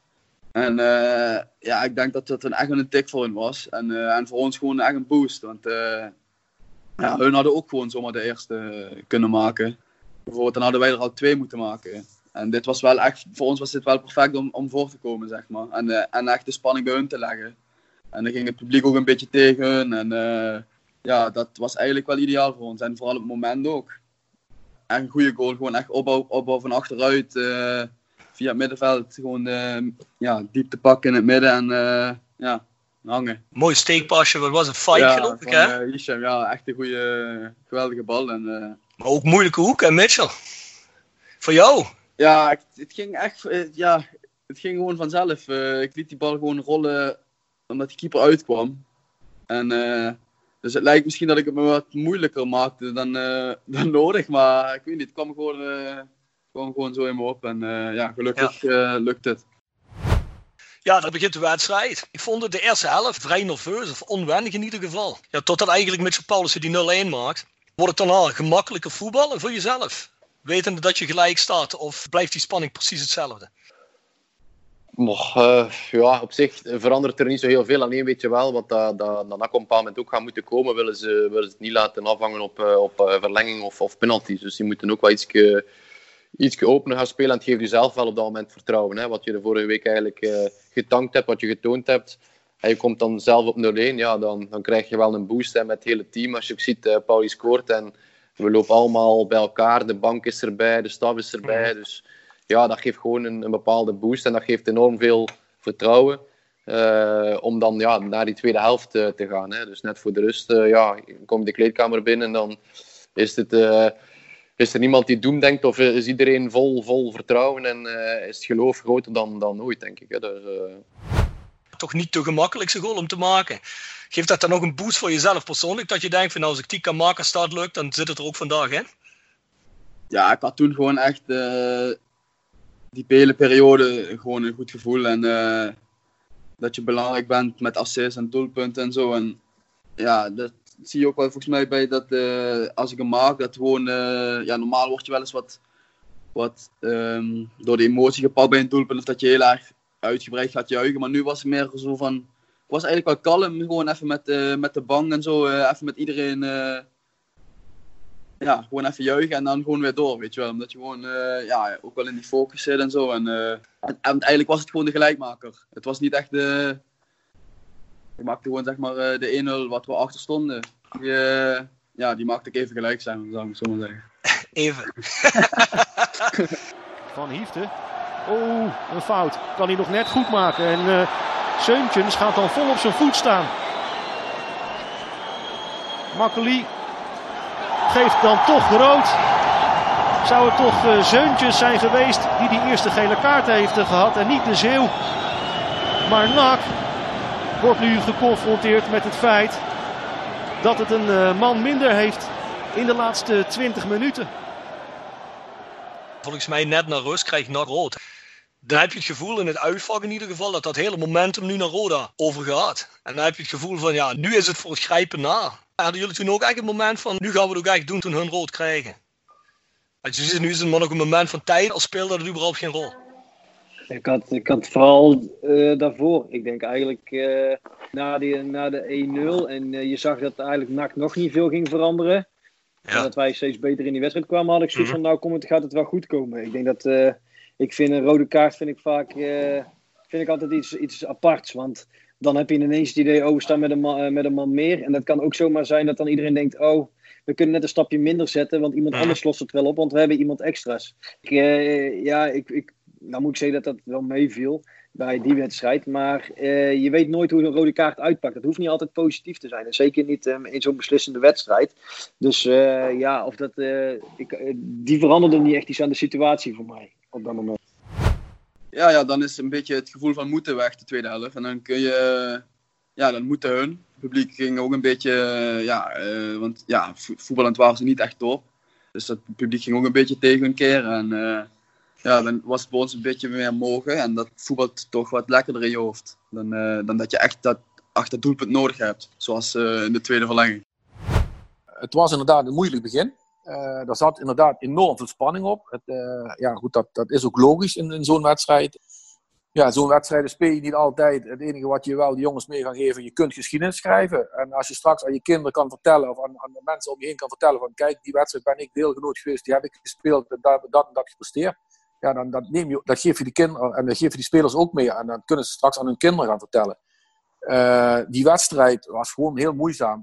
We komen inderdaad op 1-0, net voor rust. Dan ga je inderdaad wij met de vibe naar binnen en zij met een probleem. In ieder geval met a- aangeslagen gaan zij naar binnen. Dan kom je naar buiten en je weet ook van, ja, als je één doelpunt maakt, dan ben je ver, ben je ver door. De 74ste minuut met tweemaal het aluminium. Eerst via deze dwarrelbal van Anko Jansen. En daarna start NAC Breda de motoren. via Na. Eerst Na, dan Lijon. Het eindstation moet dan uh, Tigadouini zijn. Swinkels kan hem niet meer achterhalen. Het is 1 tegen 1 met Van Leer. En het is op de paal. En het blijft 0-1. En uh, terecht wat je zegt, dat is ook het enige moment, moet ik heel eerlijk zeggen, het enige moment geweest dat ik gedacht heb, nu ontglipt ja, zeg maar de, de overwinning of het, het, promoveren naar de Eredivisie. Dat was het moment dat Arjan rood kreeg. Was op de middenlijn, het was eigenlijk onnodig. Uh, maar dat was het enige moment waar ik gedacht heb van, godverdomme, nu gaat het moeilijk worden. Nee, die uh, weet nu, die krijgt er dan geel bij uh, Roda. Dat is Fight. Of is het Swinkels? Swinkels is het. En die gaat er ook nog met rood. Ja, nou, dan heeft Mark ineens toch ook weer... Die fase daarna krijg je eigenlijk allebei kans. Wij een keer op de lat. Tom krijgt vlak nog voor tijd een kans. Hun schieten nog een keer op de paal. Ja, dan krijg jij rood, hè Arjen? Ja. Is het dan dat je zo opgefokt bent in die wedstrijd? Want het was eigenlijk de middellijn. was eigenlijk een redelijk onnodige rode kaart. Vertel jij het maar. Ja. Nou, kijk, die eerste gele kaart was, was een bewuste, want er was een counter. Dus ik denk, ik haal die eruit. En dan is uh, uh, niks aan de hand. En ik, ik ben nog steeds van mening hoor. En uh, ik denk dat hij het gewoon heel goed doet. Want ik doe eigenlijk niet zoveel. Ik wil, hij wil, ik wil terug, want het is weer een omschakelmoment. En wat hij doet, hij gooide eigenlijk zichzelf gewoon precies ervoor. Ja, dat ik niet meer weg kon. En hij viel en ik, ja, eigenlijk gooit hij zichzelf voor mij. Ja, waardoor ik niks, meer, niks anders meer kon. Ja, dan, dan tegen hem aankomen. En ik denk ook dat ik normaal gesproken nooit mijn tweede geel had gehad als zij daar geen rood hadden gepakt ja, precies. daarvoor. Dus ik, ik, vond dat een, ik vond dat een hele zware be, beslissing. Alleen, ja, uh, had je beter moeten weten? Uh, weet ik niet, omdat ik vind, ja, in, op dat moment wilde ik gewoon zo snel mogelijk terug in, in de organisatie. En je bent met z'n tweeën in een, in een duel een beetje uh, half tegen elkaar en hij, ja, ik gaat er gewoon voor liggen. Ja, dan vind ik dat als scheidsrechter, want hij heeft het ook niet goed gezien, want hij loopt er eigenlijk een beetje naast en dan ziet iemand liggen en hij denkt, oh, dan, dan geef ik maar geel. Dus uh, ja, ik vind dat een. Uh, ik vind dat nog steeds een zware. Alleen, uh, ja, hij doet het goed, die tegenstander. Dus ja, de, Ah. dan kan je er weinig van vinden. Ja, het heeft veel weg van een goedmakertje in ieder geval voor hun rode kaart. Ja, dat, dat gevoel heb ik nog steeds, dat dat is. Op een gegeven moment, dat publiek begint zich te roeren en het bij NAC kan het best wel spoken. Ja, ik denk dat die scheidsrechter ook een beetje onder druk staat. Geen idee, maar uh, zo kwam het in ieder geval wel over. Nee, goed, ja, ja, het was vooral, nee, ik dacht, het was vrij rustig in het NAC-stadion de hele wedstrijd. Dat weinig, ja oké, okay, maar het leek wel toen, toen ik die rode kaart kreeg, leek het wel of dat, dat ze al gepromoveerd waren. Ik zag allemaal mensen in rolstoel, die konden ineens allemaal opstaan en die konden ineens allemaal applaudisseren. Ik dacht, nou, ik ben een soort Jomanda hier, want uh, ik kom allerlei rare krachten hier bij die mensen naar boven. Dat jij het was, was natuurlijk de kers op de taal, denk ik dus. Ja, dat, dat was voor dat, was voor dat stadion op dat moment, kon, was er, kon er geen betere zijn die er toen afging. nou ja, gelukkig heeft het uiteindelijk ook niet goed voor ze uitgepakt dan blijft het bij 1-0. Beide hebben kansen om, uh, om te scoren. Uh, dus dat, dat, dat, dat klopt wat je zegt. Het ging op en neer. Uh, de momenten waren er zeker. Wij hadden kunnen winnen in de reguliere tijd, maar we hadden hem ook kunnen verliezen. Nou staan jullie bij elkaar voor die eerste helft te beginnen van de verlenging. Wie neemt er dan op zo'n moment het woord? Volgens mij was jij aanvoerder toch, Tom, of niet? Dat ik nog niet. Guy, Guy of Artje? Artje? Art of Guy?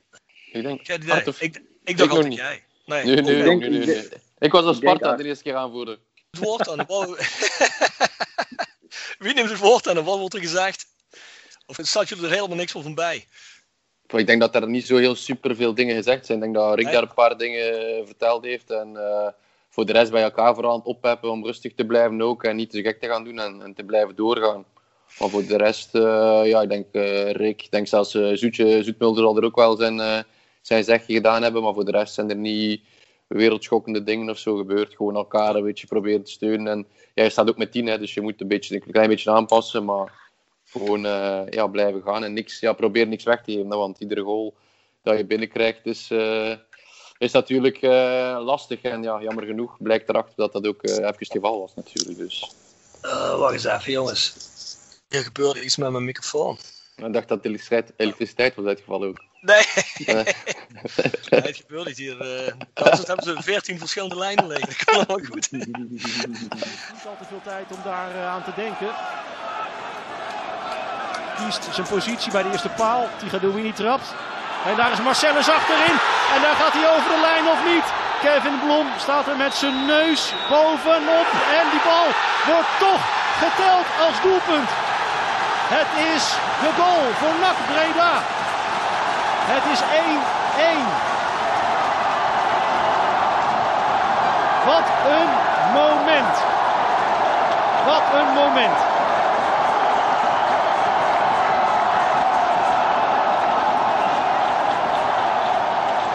Goal. Zegt dan waarschijnlijk Kevin Blom. Van Marcellus. Die gaat Douini met die hoekschop. Gaat over van Hiefte heen. Die krijgt hem op zijn rug. Ja. Zeg het maar. Zeg het maar. Redelijk dubieuze goal. Wat zeggen jullie? Was hij over de lijn? ik denk van niet. Nee, nee. Nee, nee. Ik heb nog eens heel even een aantal zaken doorgekeken. En op sommige websites wordt hij als eigen goal van jou gegeven, Tom. Ja, hij gaat via mijn kont denk ik zo door, of niet? Ja, ik, ik dacht dat het zoiets was. eh. En dan Montaigne, ja, als er iemand eh, is, ik geloof, is Martijn Montaigne. En die zei dat hij niet, eh, niet over de lijn was, dus dan... eh, Die Martijn Montaigne, die schijnt een erg geloofwaardig persoon te zijn. Want precies hetzelfde wat jij nou zegt, komt ook uit Rick Plum zijn mond. Als Martijn Montaigne het zegt, dan moet het waar zijn. Die zegt, trainer, die bal was nooit over de lijn. Ja, en dat is een echte Belg. En, en, en volgens mij een echte Belg, die liegt niet. Of hij is een Wil bijzonder eerlijk zeggen? mens, of hij is het net niet. Dus... Ik wilde iets anders zeggen, Swino. Wat wilde je zeggen, Swino? Ik hou wijselijk mijn mond. Joker. joker. Ja, ik heb aan de kaarttafel, ik heb aan de kaarttafel Ja, met Montaigne. Ik vertrouw, die, ik vertrouw die voor geen meter. Kijk, er schijnt weer een heel ander licht op deze situatie. maar laten we aannemen dat hij niet over de lijn was. Je hebt natuurlijk geen doellijntechnologie. Die heb je volgens mij nu nog altijd niet in de na-competitie, daarvan afgezien. Maar goed, eh, die scheidsrechter, of... eh, het was volgens mij niet de scheidsrechter, het was Kevin Blom. Die was Blom. assistent volgens mij, hè. Ja. Die, die gaf hem. Ja, dan krijg je die verlenging. Dan scoort eh NAC in, eh, in een dubieuze situatie. Ik weet nog steeds niet of de bal over de lijn is geweest, ja of nee. Ik had eerlijk gezegd het gevoel dat dat niet zo was. Eh, maar dat, dat, dat baseer ik ook op de woorden van Martijn Montaigne. Want dat was onze rechtsback die op de lijn stond, die de bal van de lijn afhaalt. Dus ik had niet het idee dat de bal achter de lijn was. Nou ja, op dat moment flipt dat NAC-stadion natuurlijk helemaal uit. De eerste rode kaart voor Arjen. Voel je dat ze weer een beetje een boost krijgen? Dan komt die goal erachteraan. Hebben jullie het gevoel dat het gaat nog glippen? Tja, op dat moment denk je wel van het zal toch niet zeker, hè? Nou ja, ik zat toen al 20 minuten binnen in mijn eentje. Dus, eh, ik, heb, eh, ik heb niemand gezien. En ik, eh, toen die goal viel, toen heb ik wel eh, een bericht meteen gestuurd naar mijn vrouw. Die zat in het stadion. Ik zeg, als het in de 118e minuut nog steeds 1-1 is, dan ren maar naar beneden. Want ik hoef dan die jongens ook niet meer te zien. Dan rennen we met z'n tweeën naar de auto en zijn we naar huis. Dus ik, eh, dus ik heb heel de tijd, eh, ik heb niemand gezien. Totdat het eh 2-1 viel. Toen kwam, ik weet niet eens wie er toen, die kwam toen de kleedkamer binnen rennen. Maar eh, vanaf mijn rode kaart tot aan die 2-1 heb ik niemand gezien. En ik was alleen maar bezig, hoe kan ik hier vertrekken zonder dat ik iedereen onder ogen moet komen. Dus ik heb niet zoveel meegekregen op dat moment. Ja. Was je wel op de hoogte van wat gebeurde op het veld of helemaal niet? Nee, helemaal niks. Nee, ja, ik zit in de kleedkamer. Maar op een gegeven moment waren ze aan het juichen. Ja, maar toen had ik nog zoiets van, voor, is het nou zo, zo hard is het niet. Is het dan nou 2-0? En toen kreeg ik, was ik met mijn telefoon dus gewoon via livescore. En toen zei ik, oh, 1-1. Ik denk, nee, shit. En toen dacht ik, oh, nu dan. Eh, nu moet ik even stappen gaan ondernemen hoe ik hier het stadion uit kan. Zo snel mogelijk voordat die wedstrijd afgelopen was. Vond je dat een veilig ondernemen om eh, in de auto eh, dan weg te rijden dan Arjen, vlak na de wedstrijd? Nou, ik had voor het einde van fluitsignaal was ik al hoor. ja. Wat als die 2-1 nou in de 122e minuut valt Arjen, wat dan? Ja, Dus Zwekers thuis thuis. Ja, eh, letterlijk. Ik denk dat ik dan had gezegd, eh, komen jullie maar straks eh, halverwege de weg terug een keer ophalen. Want ik ben er niet meer. Ja, ik was er niet. Hè. Ik, weet, ik zweer het, ik was weg geweest. En, uh, en jij, Tom, uh, hoe, hoe, hoe maak je ermee? Dacht je alleen maar, shit, het zal toch niet? Of had je zoiets, dan zakt het hard mogen in de broek? Ja, op zich op dat moment was ik wel even van, fuck, het gaat, hier, het gaat ons ontglippen. Maar ja, we zijn dan toch weer, uh, er aan begonnen. En ja, dan weet je toch sowieso, wij moeten nog een keer, wij moeten nog een keer gaan scoren. Hè, willen wij, dus op zich, ja, dan blijf je wel hopen en blijf je gaan om, om te doen. Op het moment dat je hem binnenkrijgt, ja, zeker met dat ik er ook tussen zat, dacht ik van, het zal toch niet. Maar goed, ja, vrij snel ga je weer door en probeer je. En ja, het, dan hoop je dat je het nog recht trekt. Hè.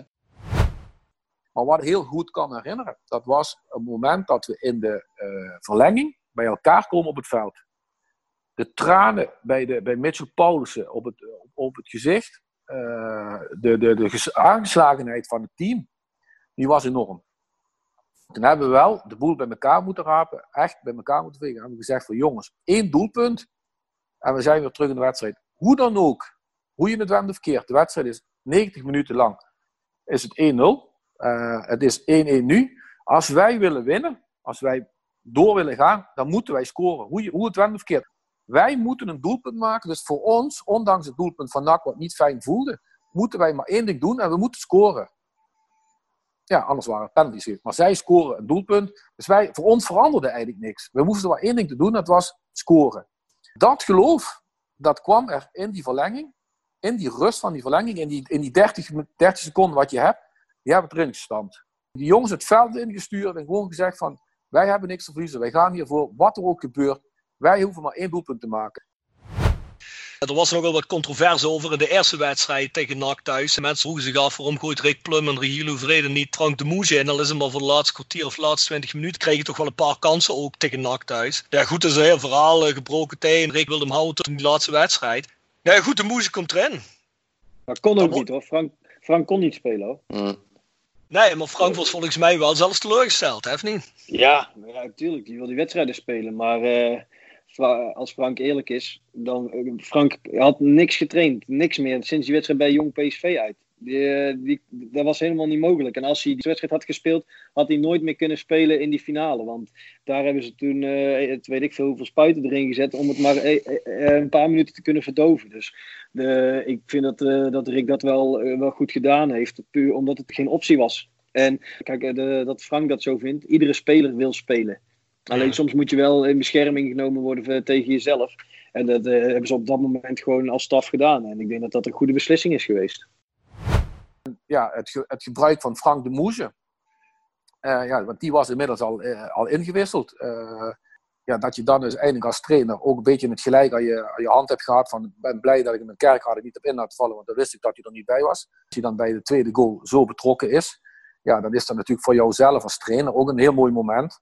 Uh, dan heb je ja, een lange neus naar de mensen die kritisch op je zijn geweest. Want er zijn ook mensen geweest die hebben kritisch op mij gereageerd. Van ja, je hebt een Zwitser op de bank zitten en je gebruikt het niet. Ja, dat kan. Maar ik wist wel waarom dat ik het deed. En dat had een achterliggende gedachte. En uh, ja, die heb ik je verteld. Frank had ze tegengebroken en die, moest die, moest, uh, die kon niet zomaar spelen. Dus daar moest iets mee gaan gebeuren. En als ik hem op donderdag ga laten spelen, dan was hij er zondag niet bij. En als ik dan zie dat hij daarna die bal zo pan klaar neerlegt voor Ton ja, dan denk ik van uh, hoe mooi kan het dan zijn dat je daar uh, ja, ook de, de voordeel uit trekt en dat je die wedstrijd over de streep trekt. Dus, is ja. Frank nou de hand nog bij jou geweest en heeft gezegd: Sorry trainer, ik begrijp het nou? Nou, dat heeft hij meteen de dag erna gedaan. Ja, jawel, nee. Dat, uh, kijk, dat moet ook, hoe je het went of keert, voetbal is emotie. En er moet ook ruimte voor zijn voor emotie. Alleen, wij hadden wel afspraken gemaakt. We hadden afspraken gemaakt, Frank, je valt in op het moment dat het echt nood een man is. En bij 1-0 met wetende dat er de zondag niet bij zou zijn, was voor mij de nood niet aan de man.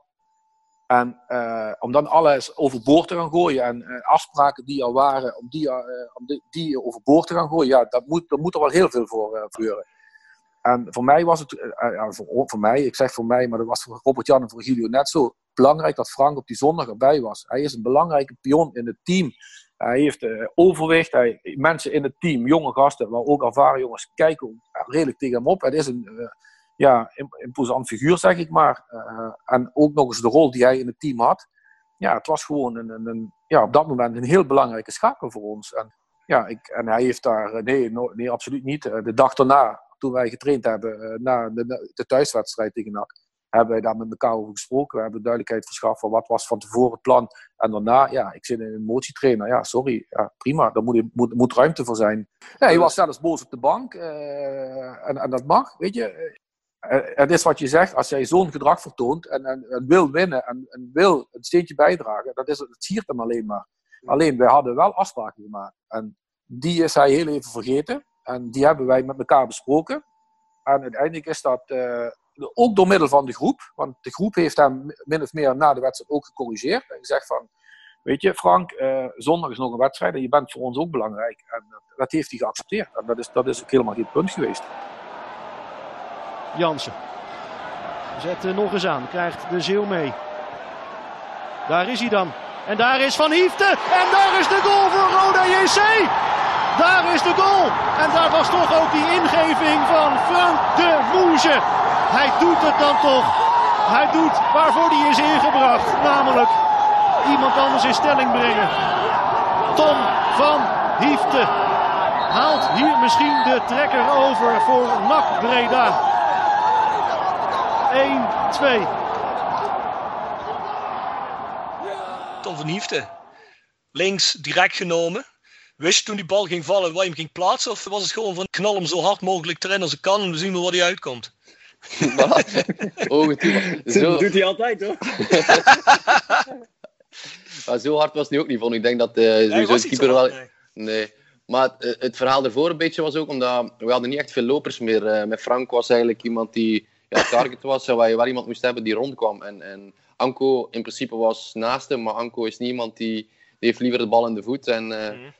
En toen hebben we eigenlijk zelf een beetje, ja, niet beslist, maar toch ook een beetje ja, gekeken. Anko is wat uit gaan zakken en ik ben meer uh, rond Frank gaan, uh, gaan proberen te lopen, wat ik op zich wel goed kan. En ja, op het moment dat hij dan, ja, dat het ook nog zo uitpakt, ja, was eigenlijk wel, wel magistraal. Hè. Ik bedoel, de, alles liep goed en dan ja, schiet ik hem binnen. Blijf erbij dat de keeper daar misschien wel iets meer had kunnen doen. Maar goed, dat maakt, uh, dat maakt het voor ons niet mooier. Hè. Dus, uh, of nee, niet slechter, ik zal het zo zeggen. Dus, uh... Nou, als je hem live meemaakt in het stadion, woede natuurlijk allemaal geen rijden. Maar als je hem ziet op tv, dan denk je van, oh shit, nou, het is nog geluk dat hij erin gaat. Hè. Maar geluk nu ook niet, hè? Geluk was ja, ja, ik bedoel, het is wat je zegt. Ik dat keeper hem eigenlijk wel moet hebben, vind je niet? Ja, ik denk het ook. Ik bedoel, dat, is wat je zegt, het maakt het niet minder mooi, hoor. Dus, uh, nee, nee. Wist je dat je hem, dat je hem, wat is je sterke voet links toch gewoon, hè? Ja. Waar ga jij hem... Uh, zij, twee, twee, twee, twee niet hele goeie.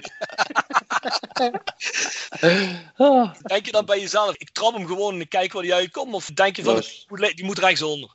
Nee, dat is gewoon een reflex daar. Dat is gewoon uh, niet nadenken, schieten. En je raakt hem daar, dus veel anders kan hij ook niet gaan, denk ik. Maar het is niet dat je wil zeggen, ik moet hem daar per se hebben. Nee, dat is gewoon uh, daar op dat moment schieten. Als je echt uh, onder controle bent, je kan hem stilleggen, dan kan je echt gaan, uh, gaan ja. kijken of nadenken van ik wil hem daar leggen. Maar op dat moment is het gewoon een beetje intuïtie en uh, raken en maken dat hij op goal is. Wat gaat er op dat moment door je heen, Tom? Ja, de, onbeschrijfelijk denk ik. Ik denk dat dat ook aan mijn reactie daar te zien is. Ja. je, hadden ze de deuren opengezet aan de kant, dan was ik waarschijnlijk vijf keer rond het stadion gelopen. Zoveel energie heb je op dat moment, zoveel komt er naar boven ja, ik denk dat ik drie toertjes gemaakt heb. Iedereen is erbij. Dat is iets dat je, ja, dat is een geweldig gevoel. Hè. Uh, ook omdat je weet op dat moment dat, dat de kans vrij groot is, denk ik, dat, ook, uh, dat je het over de streep trekt. Hè. En, uh, dan draai ik drie rondjes. Ik denk dat Nathan nog op mij. Iedereen komt, maar Nathan komt dan ook bij mij knuffelen, gelijk dat we nog nooit gedaan hebben. Zo'n dingen, ja, dat is gewoon even in, ja, uitzinnig zijn. Hè. Je staat dan in zo'n uitvak en dan valt die goal. Je kunt er bijna niet geloven dat die goal valt. Omdat dat is, zo'n wedstrijd, die schommelt zo op en neer. Het is eigenlijk tot die goal van Mitchell is het alleen maar zit je met, zit je met zenuwen in je buik. Kijk, als speler is dat waarschijnlijk een stuk anders. Je hebt invloed op wat er gebeurt, maar als je in zo'n vak staat, ah, je hebt geen invloed op niks. Dus, uh, en als dat dan gebeurt, is dat zo op en neer zwangt van uh, goal voor ons, goal voor hun, rood voor hun, rood voor ons.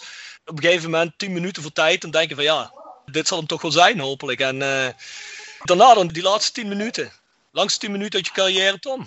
Ja, op zich viel dat, viel dat wel mee. Ik denk dat we daar dat binnen ook wel deels een beetje de veer gebroken was, denk ik. Uh, alleen was bij ons nog een keer ja, die vrije trap van, uh, van Tigadouini in de, de laatste minuut, denk ik. Hè. Dat, was alles of, ja, dat was alles of niks. Hè. Dus, uh, en dan denk ik toch even eerst van, uh, poeh, het, het, gaat toch niet gebeuren, zeker. Maar ja, kijk, de, als het zo moet zijn, moet het zo zijn. En dan, ja, Hoe lang duren dan die minuten tot de laatste fluitsignaal? Ja, niet normaal. Want je hebt natuurlijk al, je hebt natuurlijk al drie wedstrijden daarvoor gespeeld in, eh, in acht dagen of zo. Ja, je voelt moet het wel, maar ook niet. Omdat, ja, dit, is gewoon, dit moment is gewoon... eh, ja, je weet dat je dit, zo'n dingen niet vaak gaat meemaken. Dus ja, je moet, maar het, ja... Je hebt echt zoveel stress, terwijl normaal eh, ja, heb je niet echt... Als die bal niet bij jou is, aan de andere kant of zo, dan doe je wel gewoon je taak, maar je, hebt niet, je loopt niet echt met stress, zeg maar. Ik weet nog dat ik gewoon alleen maar stress had. Zo van, nee, hij mag niet erin, hij mag niet erin. Ik zie die vrije trap nog van eh, die Tiga Douini, of hoe je ook weer. eh, die bal zie ik nog liggen. Ja, daar moest ik ook een beetje aan fladeren. Een paar jaar, eh, twee jaar daarvoor, eh, denk ik, toen wij thuis spelen tegen, tegen Sparta. Die bal zie je erin, eh, zie je er zo invliegen. Eh, die waren lang, die waren zeker lang. Maar eh, weet je, als je daar als trainer staat, dan heb je maar, eigenlijk maar één functie. En dat is proberen zo, zo goed als mogelijk je, je kopje erbij te houden. Want je moet handelen, je moet misschien wel iets doen met wissels. Je moet, het, je moet niet te zeer in, in je emoties komen. En ehm, ja, dat, dat denk ik wel dat me redelijk gelukt is, moet ik zeggen. Eh, om, om wel objectief te blijven observeren van wat gebeurt er in het veld en wat heeft het team nodig. En als ik als trainer al eh, in de emoties ga zitten eh, op dat moment, want die zijn er zeker daarna geweest. Maar ik heb me altijd geprobeerd te focussen op hetgeen waar wij van tevoren afspraken over hebben gemaakt. En wat ligt in mijn handen om te doen als trainer? Kan ik nog iets met wissels? Kan ik iets met aanwijzingen? Hoe ga ik het oplossen op het moment dat, de, de, dat de Swinkels rood krijgt? Eh, ja, er waren al drie keer gewisseld. Er waren nog wat jongens die liepen op een tandvlees. Dat zijn dingen, ja, daar moet je, daar moet je iets mee. Daar moet je dan, ja, hoe moet ik het zeggen? Eh, het team anders gaan formeren. En eh, ja, dan, dan duurt de tijd wel lang. Maar nogmaals, de focus op het resultaat, op de invloed die jij hebt, daar ben je vooral mee bezig op dat moment. Een meter of tien buiten de 16 wordt die overtreding gemaakt. En dus komt er nog één allerlaatste kans. Het komt aan op deze allerlaatste vrije trap. Wel of niet in de eredivisie blijven. Dat lot ligt in handen van Tiga Douini. 14 goals in de competitie. Vaak van doorslaggevende betekenis. Een goal van hem in de uitwedstrijd. En nu. Het moet nu van hem komen. Het moet nu voor NAC gebeuren. Deze vrije trap. Tiga Douini doet het niet. Doet het niet. Had gescholden op Fike toen die, die overtreding maakte, of niet? Nee, denk niet. Denk het niet. Ik denk dat bij mij nog meevalt. De grootste schelde zat, de grootste schelde zat binnen, dus... eh, Nee, nee, Jan, Jans is nog wel... Ah, Jans stond ook nog, ja, dat is ook waar. Anko, Anko die, eh, Anko die kon nog wel, die, die deed nog wel iets ergers. Ja, dan stond ik in het muurtje. Ja, ik kon alleen maar denken, want als deze erin gaat, dan, eh, ja, dan, eh, dan is, het, is het ons gewoon niet gegund, zeg maar. Dus, eh, Ja. Maar ja, toen zag ik die bal overgaan. Toen wisten we wel dat het... eh, Ja, toen was het eigenlijk voorbij. hè. We zaten toen al ver in de blessuretijd van de tweede helft. Eigenlijk liet een tijdje doorspelen. ja, wat ik me kan herinneren was het ook nog echt een onnodige overtreding. Want die liep ver voor en die ging gewoon achter of iets. Ja, hij stond naast me in de muur, dus je weet niet weten hoeveel stress hij had. Maar Ja, dat geloof ik. uiteindelijk is het goed gekomen. En, eh, Frank de Moesie, was hij ook op? Was je toen eigenlijk met negen man aan het spelen? Die laatste tien minuten, of vielen we mee? Nou, weet ik niet. Ik heb het allemaal niet gezien. Maar eh, ik denk dat op het moment dat Frank er dan in komt, kijk, die 10 minuten, dan zit er wel dusdanig veel adrenaline in. Dat ik niet denk dat hij heel veel met die blessure bezig is. Nee. Dus ik Ja. denk dat we, dat ik, ik denk niet dat we toen met 9 gespeeld hebben. Nee, nee. maar, eh, nou ja, verder ja, kan ik daar denk ik niet zoveel over zeggen. Zou je Frank moeten bellen, maar eh, ik weet niet hoe hij zich gevoeld heeft. Maar ik, denk, ik had het gevoel dat we met, met 10, 12 wel stonden. Dat we echt... eh, dat iedereen net een boost heeft gekregen. Dus ik denk ja, bij Frank ook dat dat nog een, extra, een extraatje was voor, eh, Ja. om ver te doen. Eh, ook voor hem, hè, om, om mee, eh, ja, mee nog een keer eh, feest te vieren daarna. Dus ik denk dat iedereen dat wel eh, ja, er vol in zat. Dat we daar geen, eh, geen man overboord hadden op dat moment. En al je na die 2-1 was je niet teruggekomen uit de kleedkamer inmiddels? Mag niet, hè? Nee, mag dat niet? Oh, dat weet ik helemaal niet. Je mag pas het veld op eh, als de scheidsrechters eh, ja, in de catacombe zijn. Als je rood hebt gekregen. Dus eh, toen, ik was nog steeds, dus ik kreeg nog niet door. En toen zat ik eh, een beetje in mijn eentje in de kleedkamer van, eh, ja, domme lul, wat heb je nou weer gedaan? en toen, en toen, toen kwam, toen kwam er iemand de kleedkamer binnen, ik weet niet eens meer wie. Die was dus heel blij, maar toen was ik nog steeds niet blij. Want ik denk, ja, dat zal dadelijk. En dan gaat hij er nog in, dan ben ik alsnog weer de slemiel. Dus ik, nee, ik, was nog steeds, ik denk, shit, joh, kan toch niet dit? Dus ik ben ik denk op de 100, 119e minuut ben ik terug die, uh, de tunnel ingegaan. En uh, toen ben ik wel halverwege de trap gaan staan bij NAC. En toen, hij, toen hij afvloot, ja, toen dacht ik ook, ja, hij kan, uh, hij kan me wel. Ik kan niet wachten tot hij van het veld af is. En toen ben ik eigenlijk gewoon zo sneaky achterdoor meteen naar het, naar het uitvak gerend. Dus toen ja. heeft niemand daar meer naar gekeken of iets van gezien. Maar nee, ja, ik, ik heb er allemaal weinig van meegekregen. Ik was alleen maar met mezelf bezig dat ik niet heel verstandig was. nou, nou, heb ik het net, netjes verwoord. Nak daalt af naar de Jupiler League en Roda promoveert. Want zo is het. Zo is het. Kerkrade is terug. Na dan is eigenlijk de missie volbracht. Hoe goed voelde dat? Het moet toch fantastisch zijn? Ja, goed. Als je, ik met alle respect, uh, een, uh, een Regilio Vrede van twee meter lang uh, bovenop je nek hebt hangen, dat, dat dat een zwaar moment was. dan fietst er alles door je hoofd heen. Dan denk je, het is niet waar. Ik, wat maak ik eigenlijk mee? Wat hebben we eigenlijk gedaan? ja, goed. Het is een enorme teamprestatie. iedereen die daar in en rondom het team was, die heeft daar zijn stinkende best voor gedaan. Ja, nogmaals, vijf weken lang uh, de pers te woord moeten staan. Iedere dag voor de groep gestaan. Uh, ik heb van alles moeten doen. gesprekken met mensen binnen de, binnen de organisatie gevoerd. Hè? Want dat vergeet ik af en toe nog wel eens. Dat de raad van commissarissen mensen bij me kwamen en zeggen van Rick, heb je daar gedacht? Of heb je tijd om te lunchen? Want ik wil eens met je praten daarover. Ja, dat, dat vertel ik allemaal nog niet. Maar dat is ook allemaal tussentijds nog gebeurd. Heb je daaraan gedacht? Stel voor dat. Ja, weet je, wij, wij zijn een professioneel staf geweest op dat moment. We hebben alles de revue laten passeren en hebben gedaan wat we konden doen. En dat is dan het laatste fluitsignaal. Is die ontlading is zo gigantisch groot en die vreugde is zo enorm. En ja, daar komt eigenlijk alles een beetje naar buiten wat je al die weken uh, ja, eigenlijk aan spanning hebt opgebouwd. En ja, daar komen ook emoties bij, ja. Ja, goed, dan fluit de wedstrijd af. Vertel eens.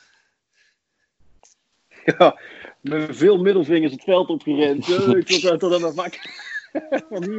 Lekker voor jullie. En toen uh, was het feest. ja. ja. Je ziet, niemand weet eigenlijk wat hij moet doen, hè? Je ziet mensen rennen, neervallen, opspringen. Ja, dat is een, uh, een grote chaos.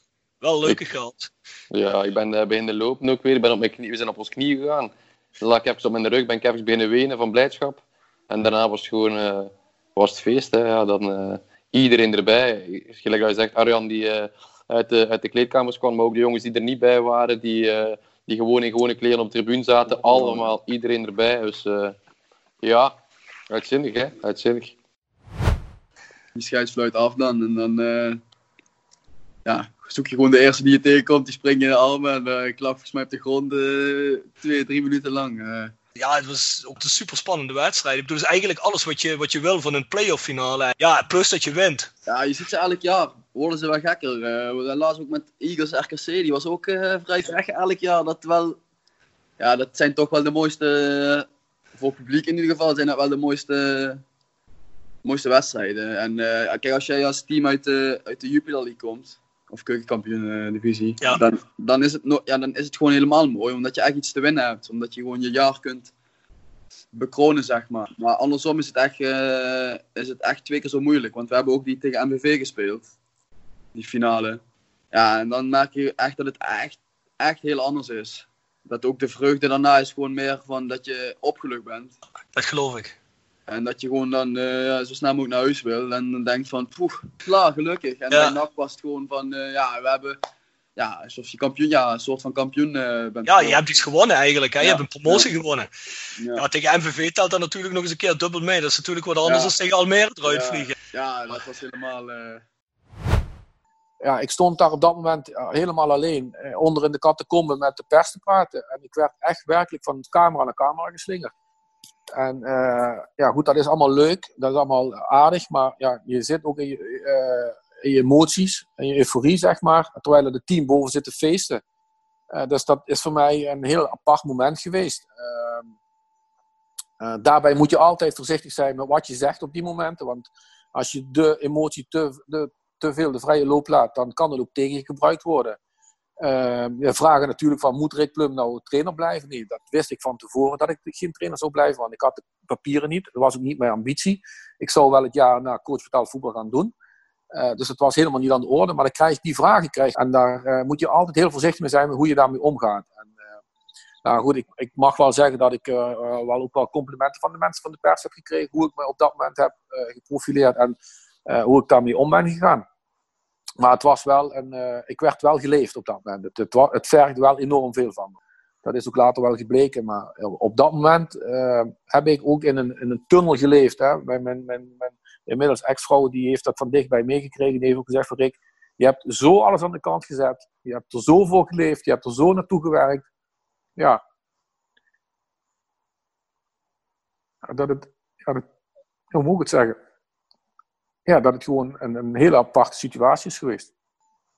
Nou ja, goed, je, je begint ergens aan en uh, je bent de man van de club en je bent met Regilio en Robert-Jan aan, aan, iets begonnen. Dat wil je graag afmaken en iets wil je, kan ik ook straks aan mijn kinderen vertellen. En ze waren erbij gelukkig. Uh, dat, dat wat, wat we gepresteerd hebben, dat je daar trots op mag zijn. Dat je straks met heel veel plezier op uh, terug kan kijken. En de waardering en erkenning van het publiek ook altijd heb gekregen, van, van de supporters altijd heb gekregen. Uh, ik ben ook heel eerlijk dat ik dat binnen de club wel eens gemist heb. Van mensen binnen de club, maar van het publiek, van de mensen om me heen. Heb ik, dat, heb ik altijd hele goede uh, geluiden gehoord en uh, ja, hoe, hoe, ik daarmee om ben gegaan. Dus daar kan ik eigenlijk niks, niks negatiefs over zeggen. Maar het was wel een hele, hele intense periode. Ja, dat, dat is het wel geweest, ja. Oh, kapotte ruiten. Ja, ons, ons raam was kapot van de bus, toch? Ja, ja, was ja, ja. Ja, bekogeld, hè? Ja. Ja, en, en de familie zat natuurlijk het vak naast uh, het uitvak. En uh, daar uh, kwam ineens heel die, die harde kern van dak kwam daar naartoe. Dus die moesten ineens allemaal weggeleid worden, want er zat heel veel politie en burger. Dus ja, de, emotie hè. ja, mooi. Ik, ik, ik, heb, ik ben daarna nog naar mijn, ik ga, mijn ouders komen altijd kijken. Ik ga dan altijd nog een keer een opzoeken na de match, ergens in de kantine of zo. En toen toen zag. Maar, en dan ben ik ook René te, uh, tegengekomen. En dan voor mij, ja, ik heb sowieso een speciale band met René. Uh, dus dat was wel, uh, super ook om, om, om, dat, om dat mee te krijgen. Dus enerzijds had ik mijn ouders ja, feest gehad in de kleedkamer. Daarna heb ik met mijn ouders. en dan zag ik René ook. En die was eigenlijk ook super blij dat we het, dat we het gehaald hebben. Dat was ook wel voor mij persoonlijk dan een heel mooi moment. Volgens mij is ook nog heel lang onrustig gebleven in Breda. Ja, goed, een beetje frustratie mag. Al je hoeveel felicitatie-sms'jes uit Tilburg gekregen? Veel, veel. Want uh, langs de snelweg gingen staan. En die waren ze alleen uh, al weggehaald door de politie, want dat mocht blijkbaar niet. Maar die hadden allemaal uh, bij, bij Tilburg, als ze daar langs zouden rijden, hadden ze, stond, zouden ze met een man of 50 staan met fakkels en alles. Alleen toen we aankwamen, toen zag je net twee politiebusjes wegrijden, want ze waren allemaal weggevoerd, want dat mocht niet. toen wij met de bus terugreden, hingen er ook al spandoeken en alles. Het is, maar ja, goed, ik, ik kan me dat leven niet voorstellen. Het is je grote concurrent. Het leeft van het leukste Mark altijd. Dus, uh... Zeker waar. Ook de leukste wedstrijden in de competitie. En als je die niet met elkaar hebt, dan kom je daarna. Kijk, het eerste is het leedvermaak. En daarna denk je, ja, die, die wedstrijden ook tegen, tegen MVV. Ja, ik heb er dan zelf geen, uh, kun, uh, niet gespeeld tegen MVV. Maar ja, dat brengt wel een extra sfeertje. De, bij supporters, bij alles binnen de twee clubs. Het zorgt ook voor iets, iets, uh, iets aparts, iets moois. Dat zijn ook wedstrijden waar je het voor doet. Het is een beetje hetzelfde als zo'n finale wedstrijden. Dus, ja, zeker. Dus uh, ik snap ook wel vanuit Willem 2 dat er een aantal zoiets hadden van oké, okay, superleuk. Uh, we, gaan, uh, we gaan ze daar flink mee, mee plagen of mee pesten. En daarna, de, ja, maar we missen wel die twee wedstrijden. Dat komt volgend jaar. De MVV van Fortuna hoeft niet te degraderen. Ik, ik heb verder ook niks op met die clubs, maar ik vind de derby veel te leuk, weet je wel. Ja, dat is ook leuk. Als dat aangaat, is dat, ja, daarom. Anders zeggen ze het altijd feest. Dus,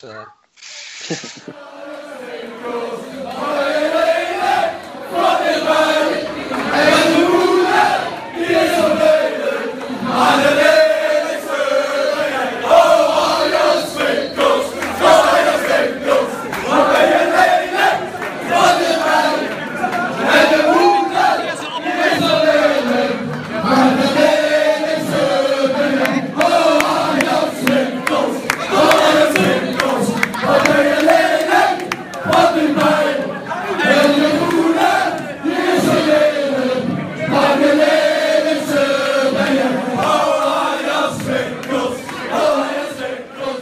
Ga je met kerkraden. Dan word je ontvangen daar. Hoe jullie dat ervaren? Was uh, redelijk laat al. Hoe hebben jullie dat ervaren? Uh, zelf uh, in het gemeentehuis heel slecht. Omdat toen.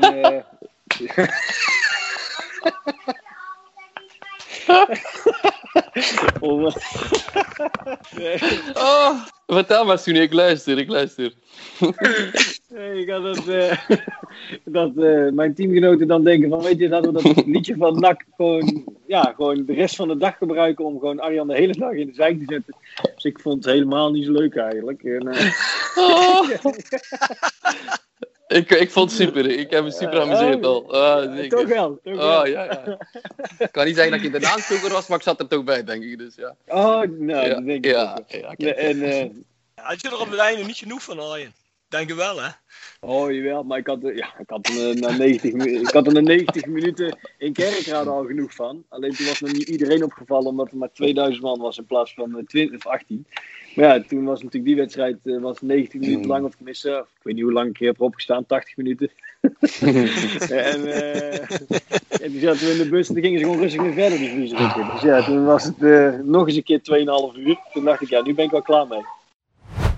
Dan ben je in Kerkrade, dan zijn jullie bij het gemeentehuis.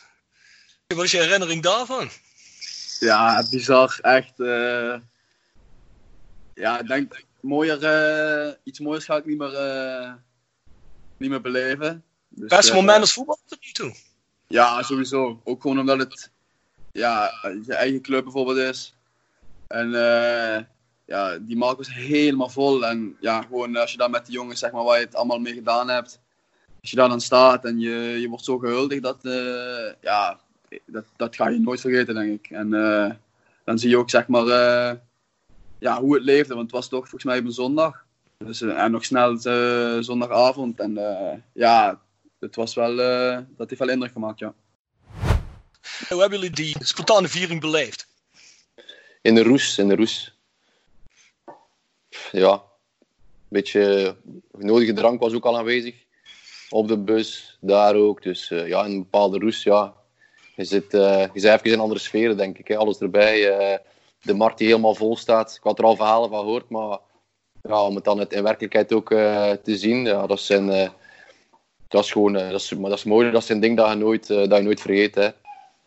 ja, geweldig. Ja, Regilio gaat nog eventjes. Oh, pas op, daar gaan we bijna. Volgens mij zijn we er bijna. Regilio moet een liedje zingen. Nou, begin maar. Ja. Janken in Breda, olé, olé. Janken in Breda, olé.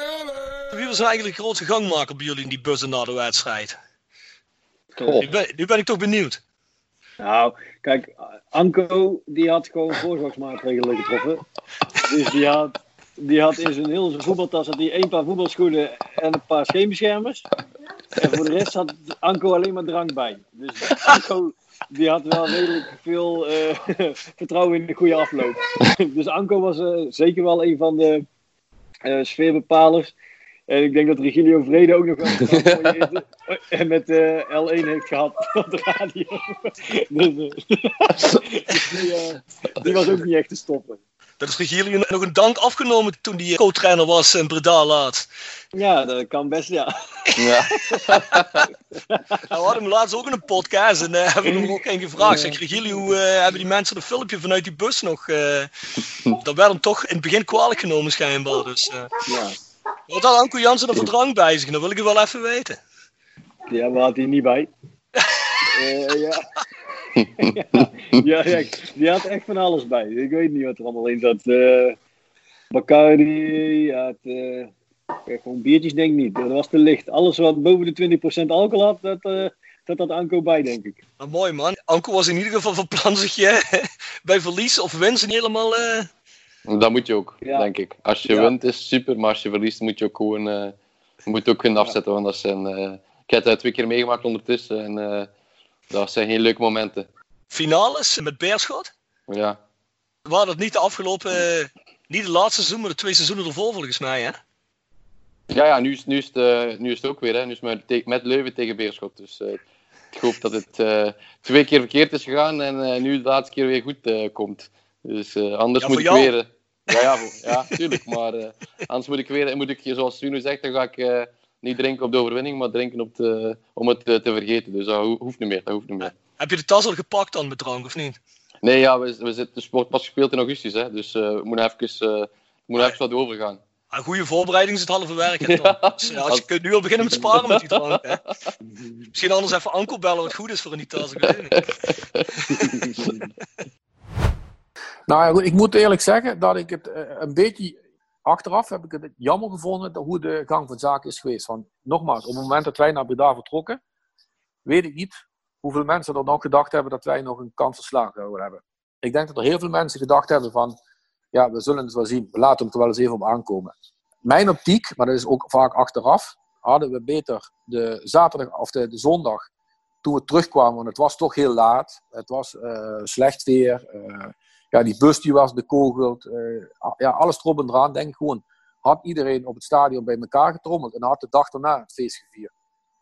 Maar goed, het is zo gegaan zoals het gegaan is. Dan denk ik, dan had je wat meer voorbereiding kunnen treffen. Dan had je op de markt goed kunnen aankleden. Dan, had daar, eh, dan was de horeca in Kerkrade daarop voorbereid. Dan hadden die mensen er ook veel meer van kunnen profiteren.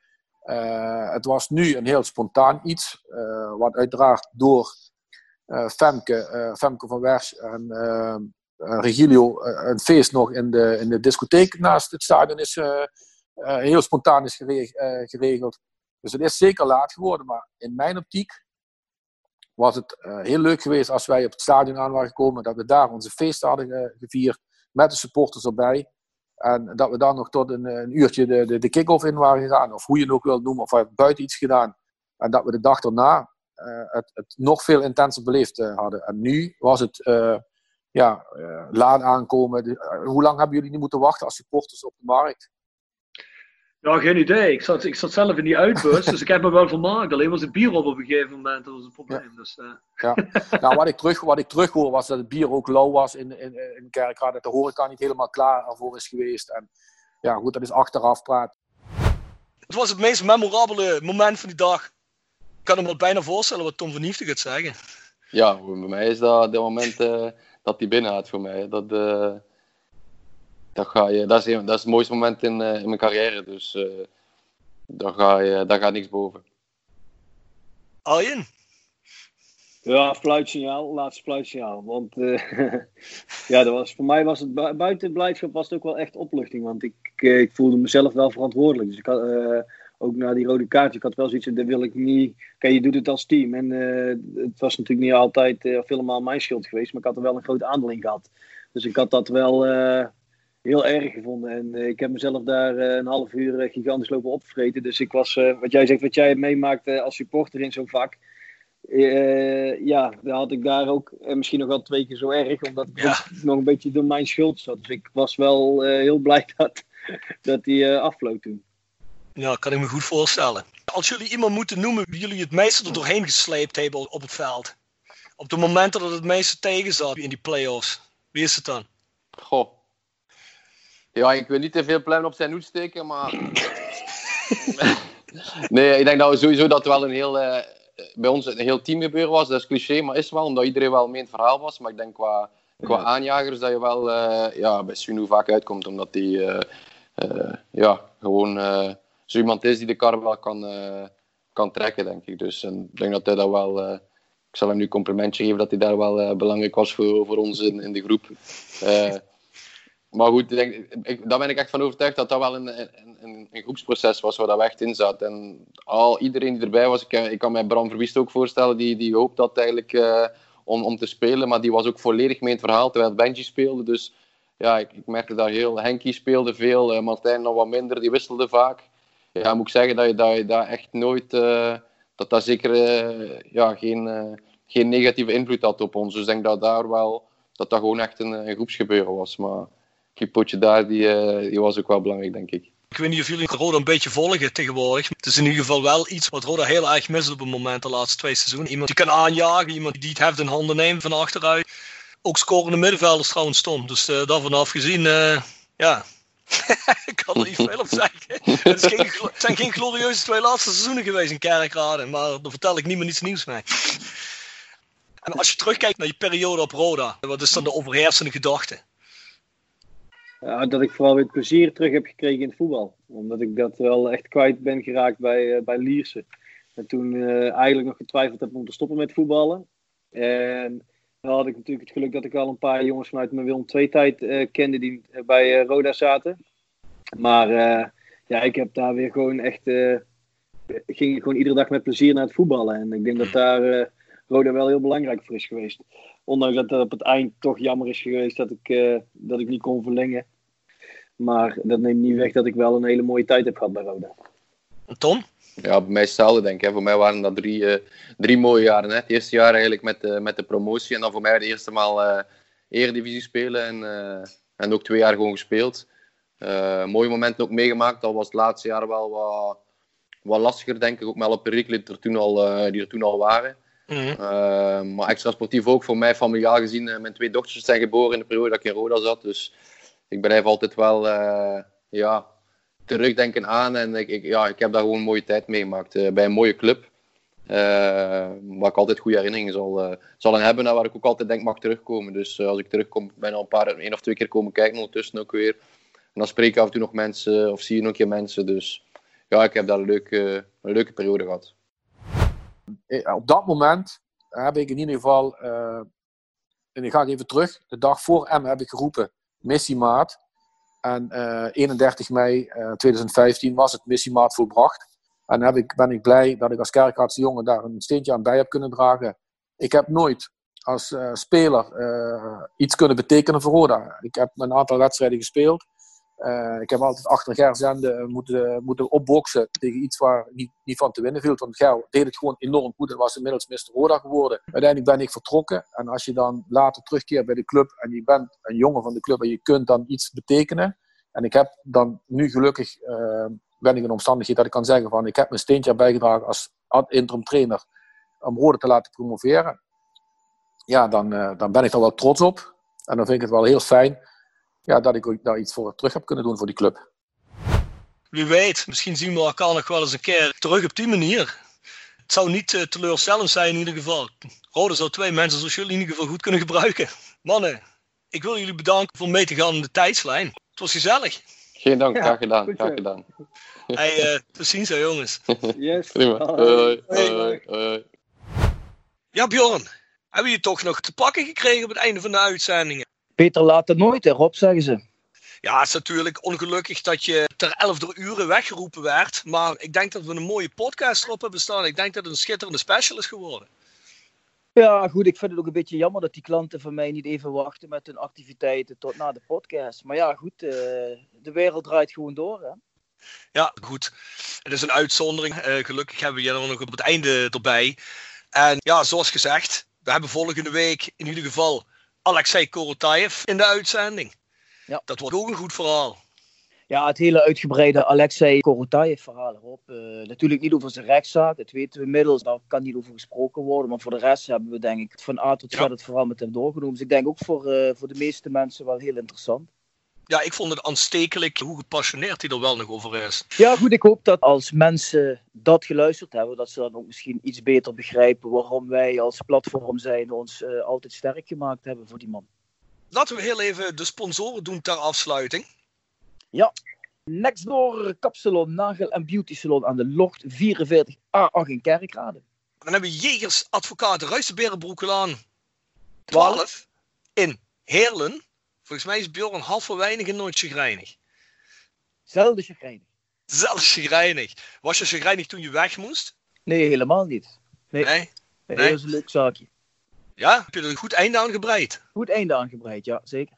Nou, kijk, dan is het waard geweest. In ieder geval ja. voor je cliënt. Op deze week, mensen. Dus ja, daarheen. Je moet wel reserveren, geloof ik, hè Bjorn? Ja, klopt. Je moet wel reserveren, want er kunnen natuurlijk maar een beperkt aantal mensen naar binnen. Dus het kan niet zo zijn dat uh, iedereen op de Bonnefoy er naartoe gaat. Dat mag natuurlijk niet. Dus, uh, maar goed, als je reserveert, dan, uh, dan komt dat prima in orde. Ja, ik ben donderdag, dat is dus morgen, ben ik in Heerlen. En dan ga ik wel even langs, denk ik. Wel even bellen. En dan ga ik even een bezoekje brengen. Zo lang niet meer in de buurt geweest, dus dat moet lukken.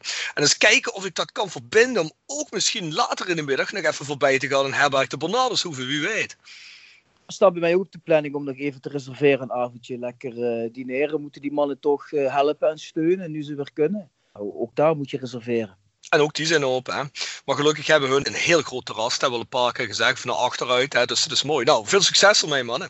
GSR Music. www.gsrmusic.com voor het harde muzieksegment. Rapi autodemontage aan de Locht 70 in Kerkrade. De internetgroep Limburg slash iPhone reparatie Limburg in Wouderpad 7 in Beek voor al je webdesign. Stok grondverzet uit Simpelveld. Ja, voor al je graafwerk. En we willen Weber Keukens in de Boebegraaf 1 in Schinveld. Dat is keukendesign voor elke beurs. Van Ooije Glashandel sinds 1937. Kwaliteitsglaszetten en reparatie met een dag- en nachtservice. Quick Consulting, change management door empowerment van je medewerkers. En Wiertz personeelsdiensten. Ben je op zoek naar versterking van je team? Ga dan langs bij Wiertz, bij Mark en Shaw in het PLS. Nou, dan wilde ik nog even onze shop vernoemen. Dat is shop.south16.com. Dan zul je zien dat in de loop van de maand er een hele hoop nieuwe zaken bij komen. We zijn niet stil blijven zitten in coronatijd. Er is een hele lijn die erbij komt, dus ga daar checken. Ook de Voice of Calais shirts. Die zijn daar te krijgen. Die beginnen toch stilletjes aan op te raken, Bjorn. Dus we moeten eens gaan kijken wat we gaan doen. Misschien een nieuw designtje, wie weet. Ik heb nog eentje hier liggen. Die ga ik je later eens doorsturen. Dat is een leuke. Even een beetje een 80s vibe. Denk dat je er ook wel in kunt vinden. Ja, ik kijk er eruit. En natuurlijk ook je vriend Tij Wetselaar, die pas zeer recent achter het bestaan van de podcast is gekomen. Het is zit ver weg in het buitenland. En die heeft ook een bestelling gedaan erop, een vrij grote bestelling. Dus uh, die gaan we ook bij hem bezorgen. Ja, zeker. En mensen, the voice of Calais at south16.com. Dat is ons e-mailadres. Daar mag je ook zonder meer en altijd je vragen en opmerkingen heen sturen. We hebben niet altijd antwoorden voor je. Let op, mensen, we zijn geen onderzoeksjournalisten of we doen dit ook niet fulltime. Al heb ik soms het gevoel dat ik het fulltime ben aan het doen. Wij weten ook niet alles. We krijgen soms vragen binnen over de werkingen intern in de club. Kijk, wat we weten, weten we. Soms weten we wat meer, soms weten we evenveel als jullie. Ja, dat is het enige wat we daarop kunnen zeggen, hè, Bjorn? Ja, vergeet niet dat ik ben gewoon advocaat en Rob, jij bent zanger in een band en je zit in de ICT-branche. We doen dit gewoon erbij omdat we hartstikke gek zijn voor Roda. Maar niet omdat we pretenderen alles voor Roda te weten of omdat we journalisten zijn die heel diep overal in kunnen gaan graven om de onderste steen boven te krijgen. Dus. Maar dus misschien moeten we wel zien als een compliment dat mensen dat soms van ons uh, verwachten. Nou, ik zie dat wel als een compliment. Alleen, wat we kunnen beantwoorden, willen we zeker beantwoorden, gaat niet altijd. Maar ja, zoals gezegd, I guess bedankt voor het compliment. Nou, dan zijn we weer aan het einde gekomen, Bjorn. Ik hoop dat iedereen genoten heeft van de promotiespecial. Er heeft veel tijd en moeite in gezeten. Bedankt voor het luisteren. Tot dan.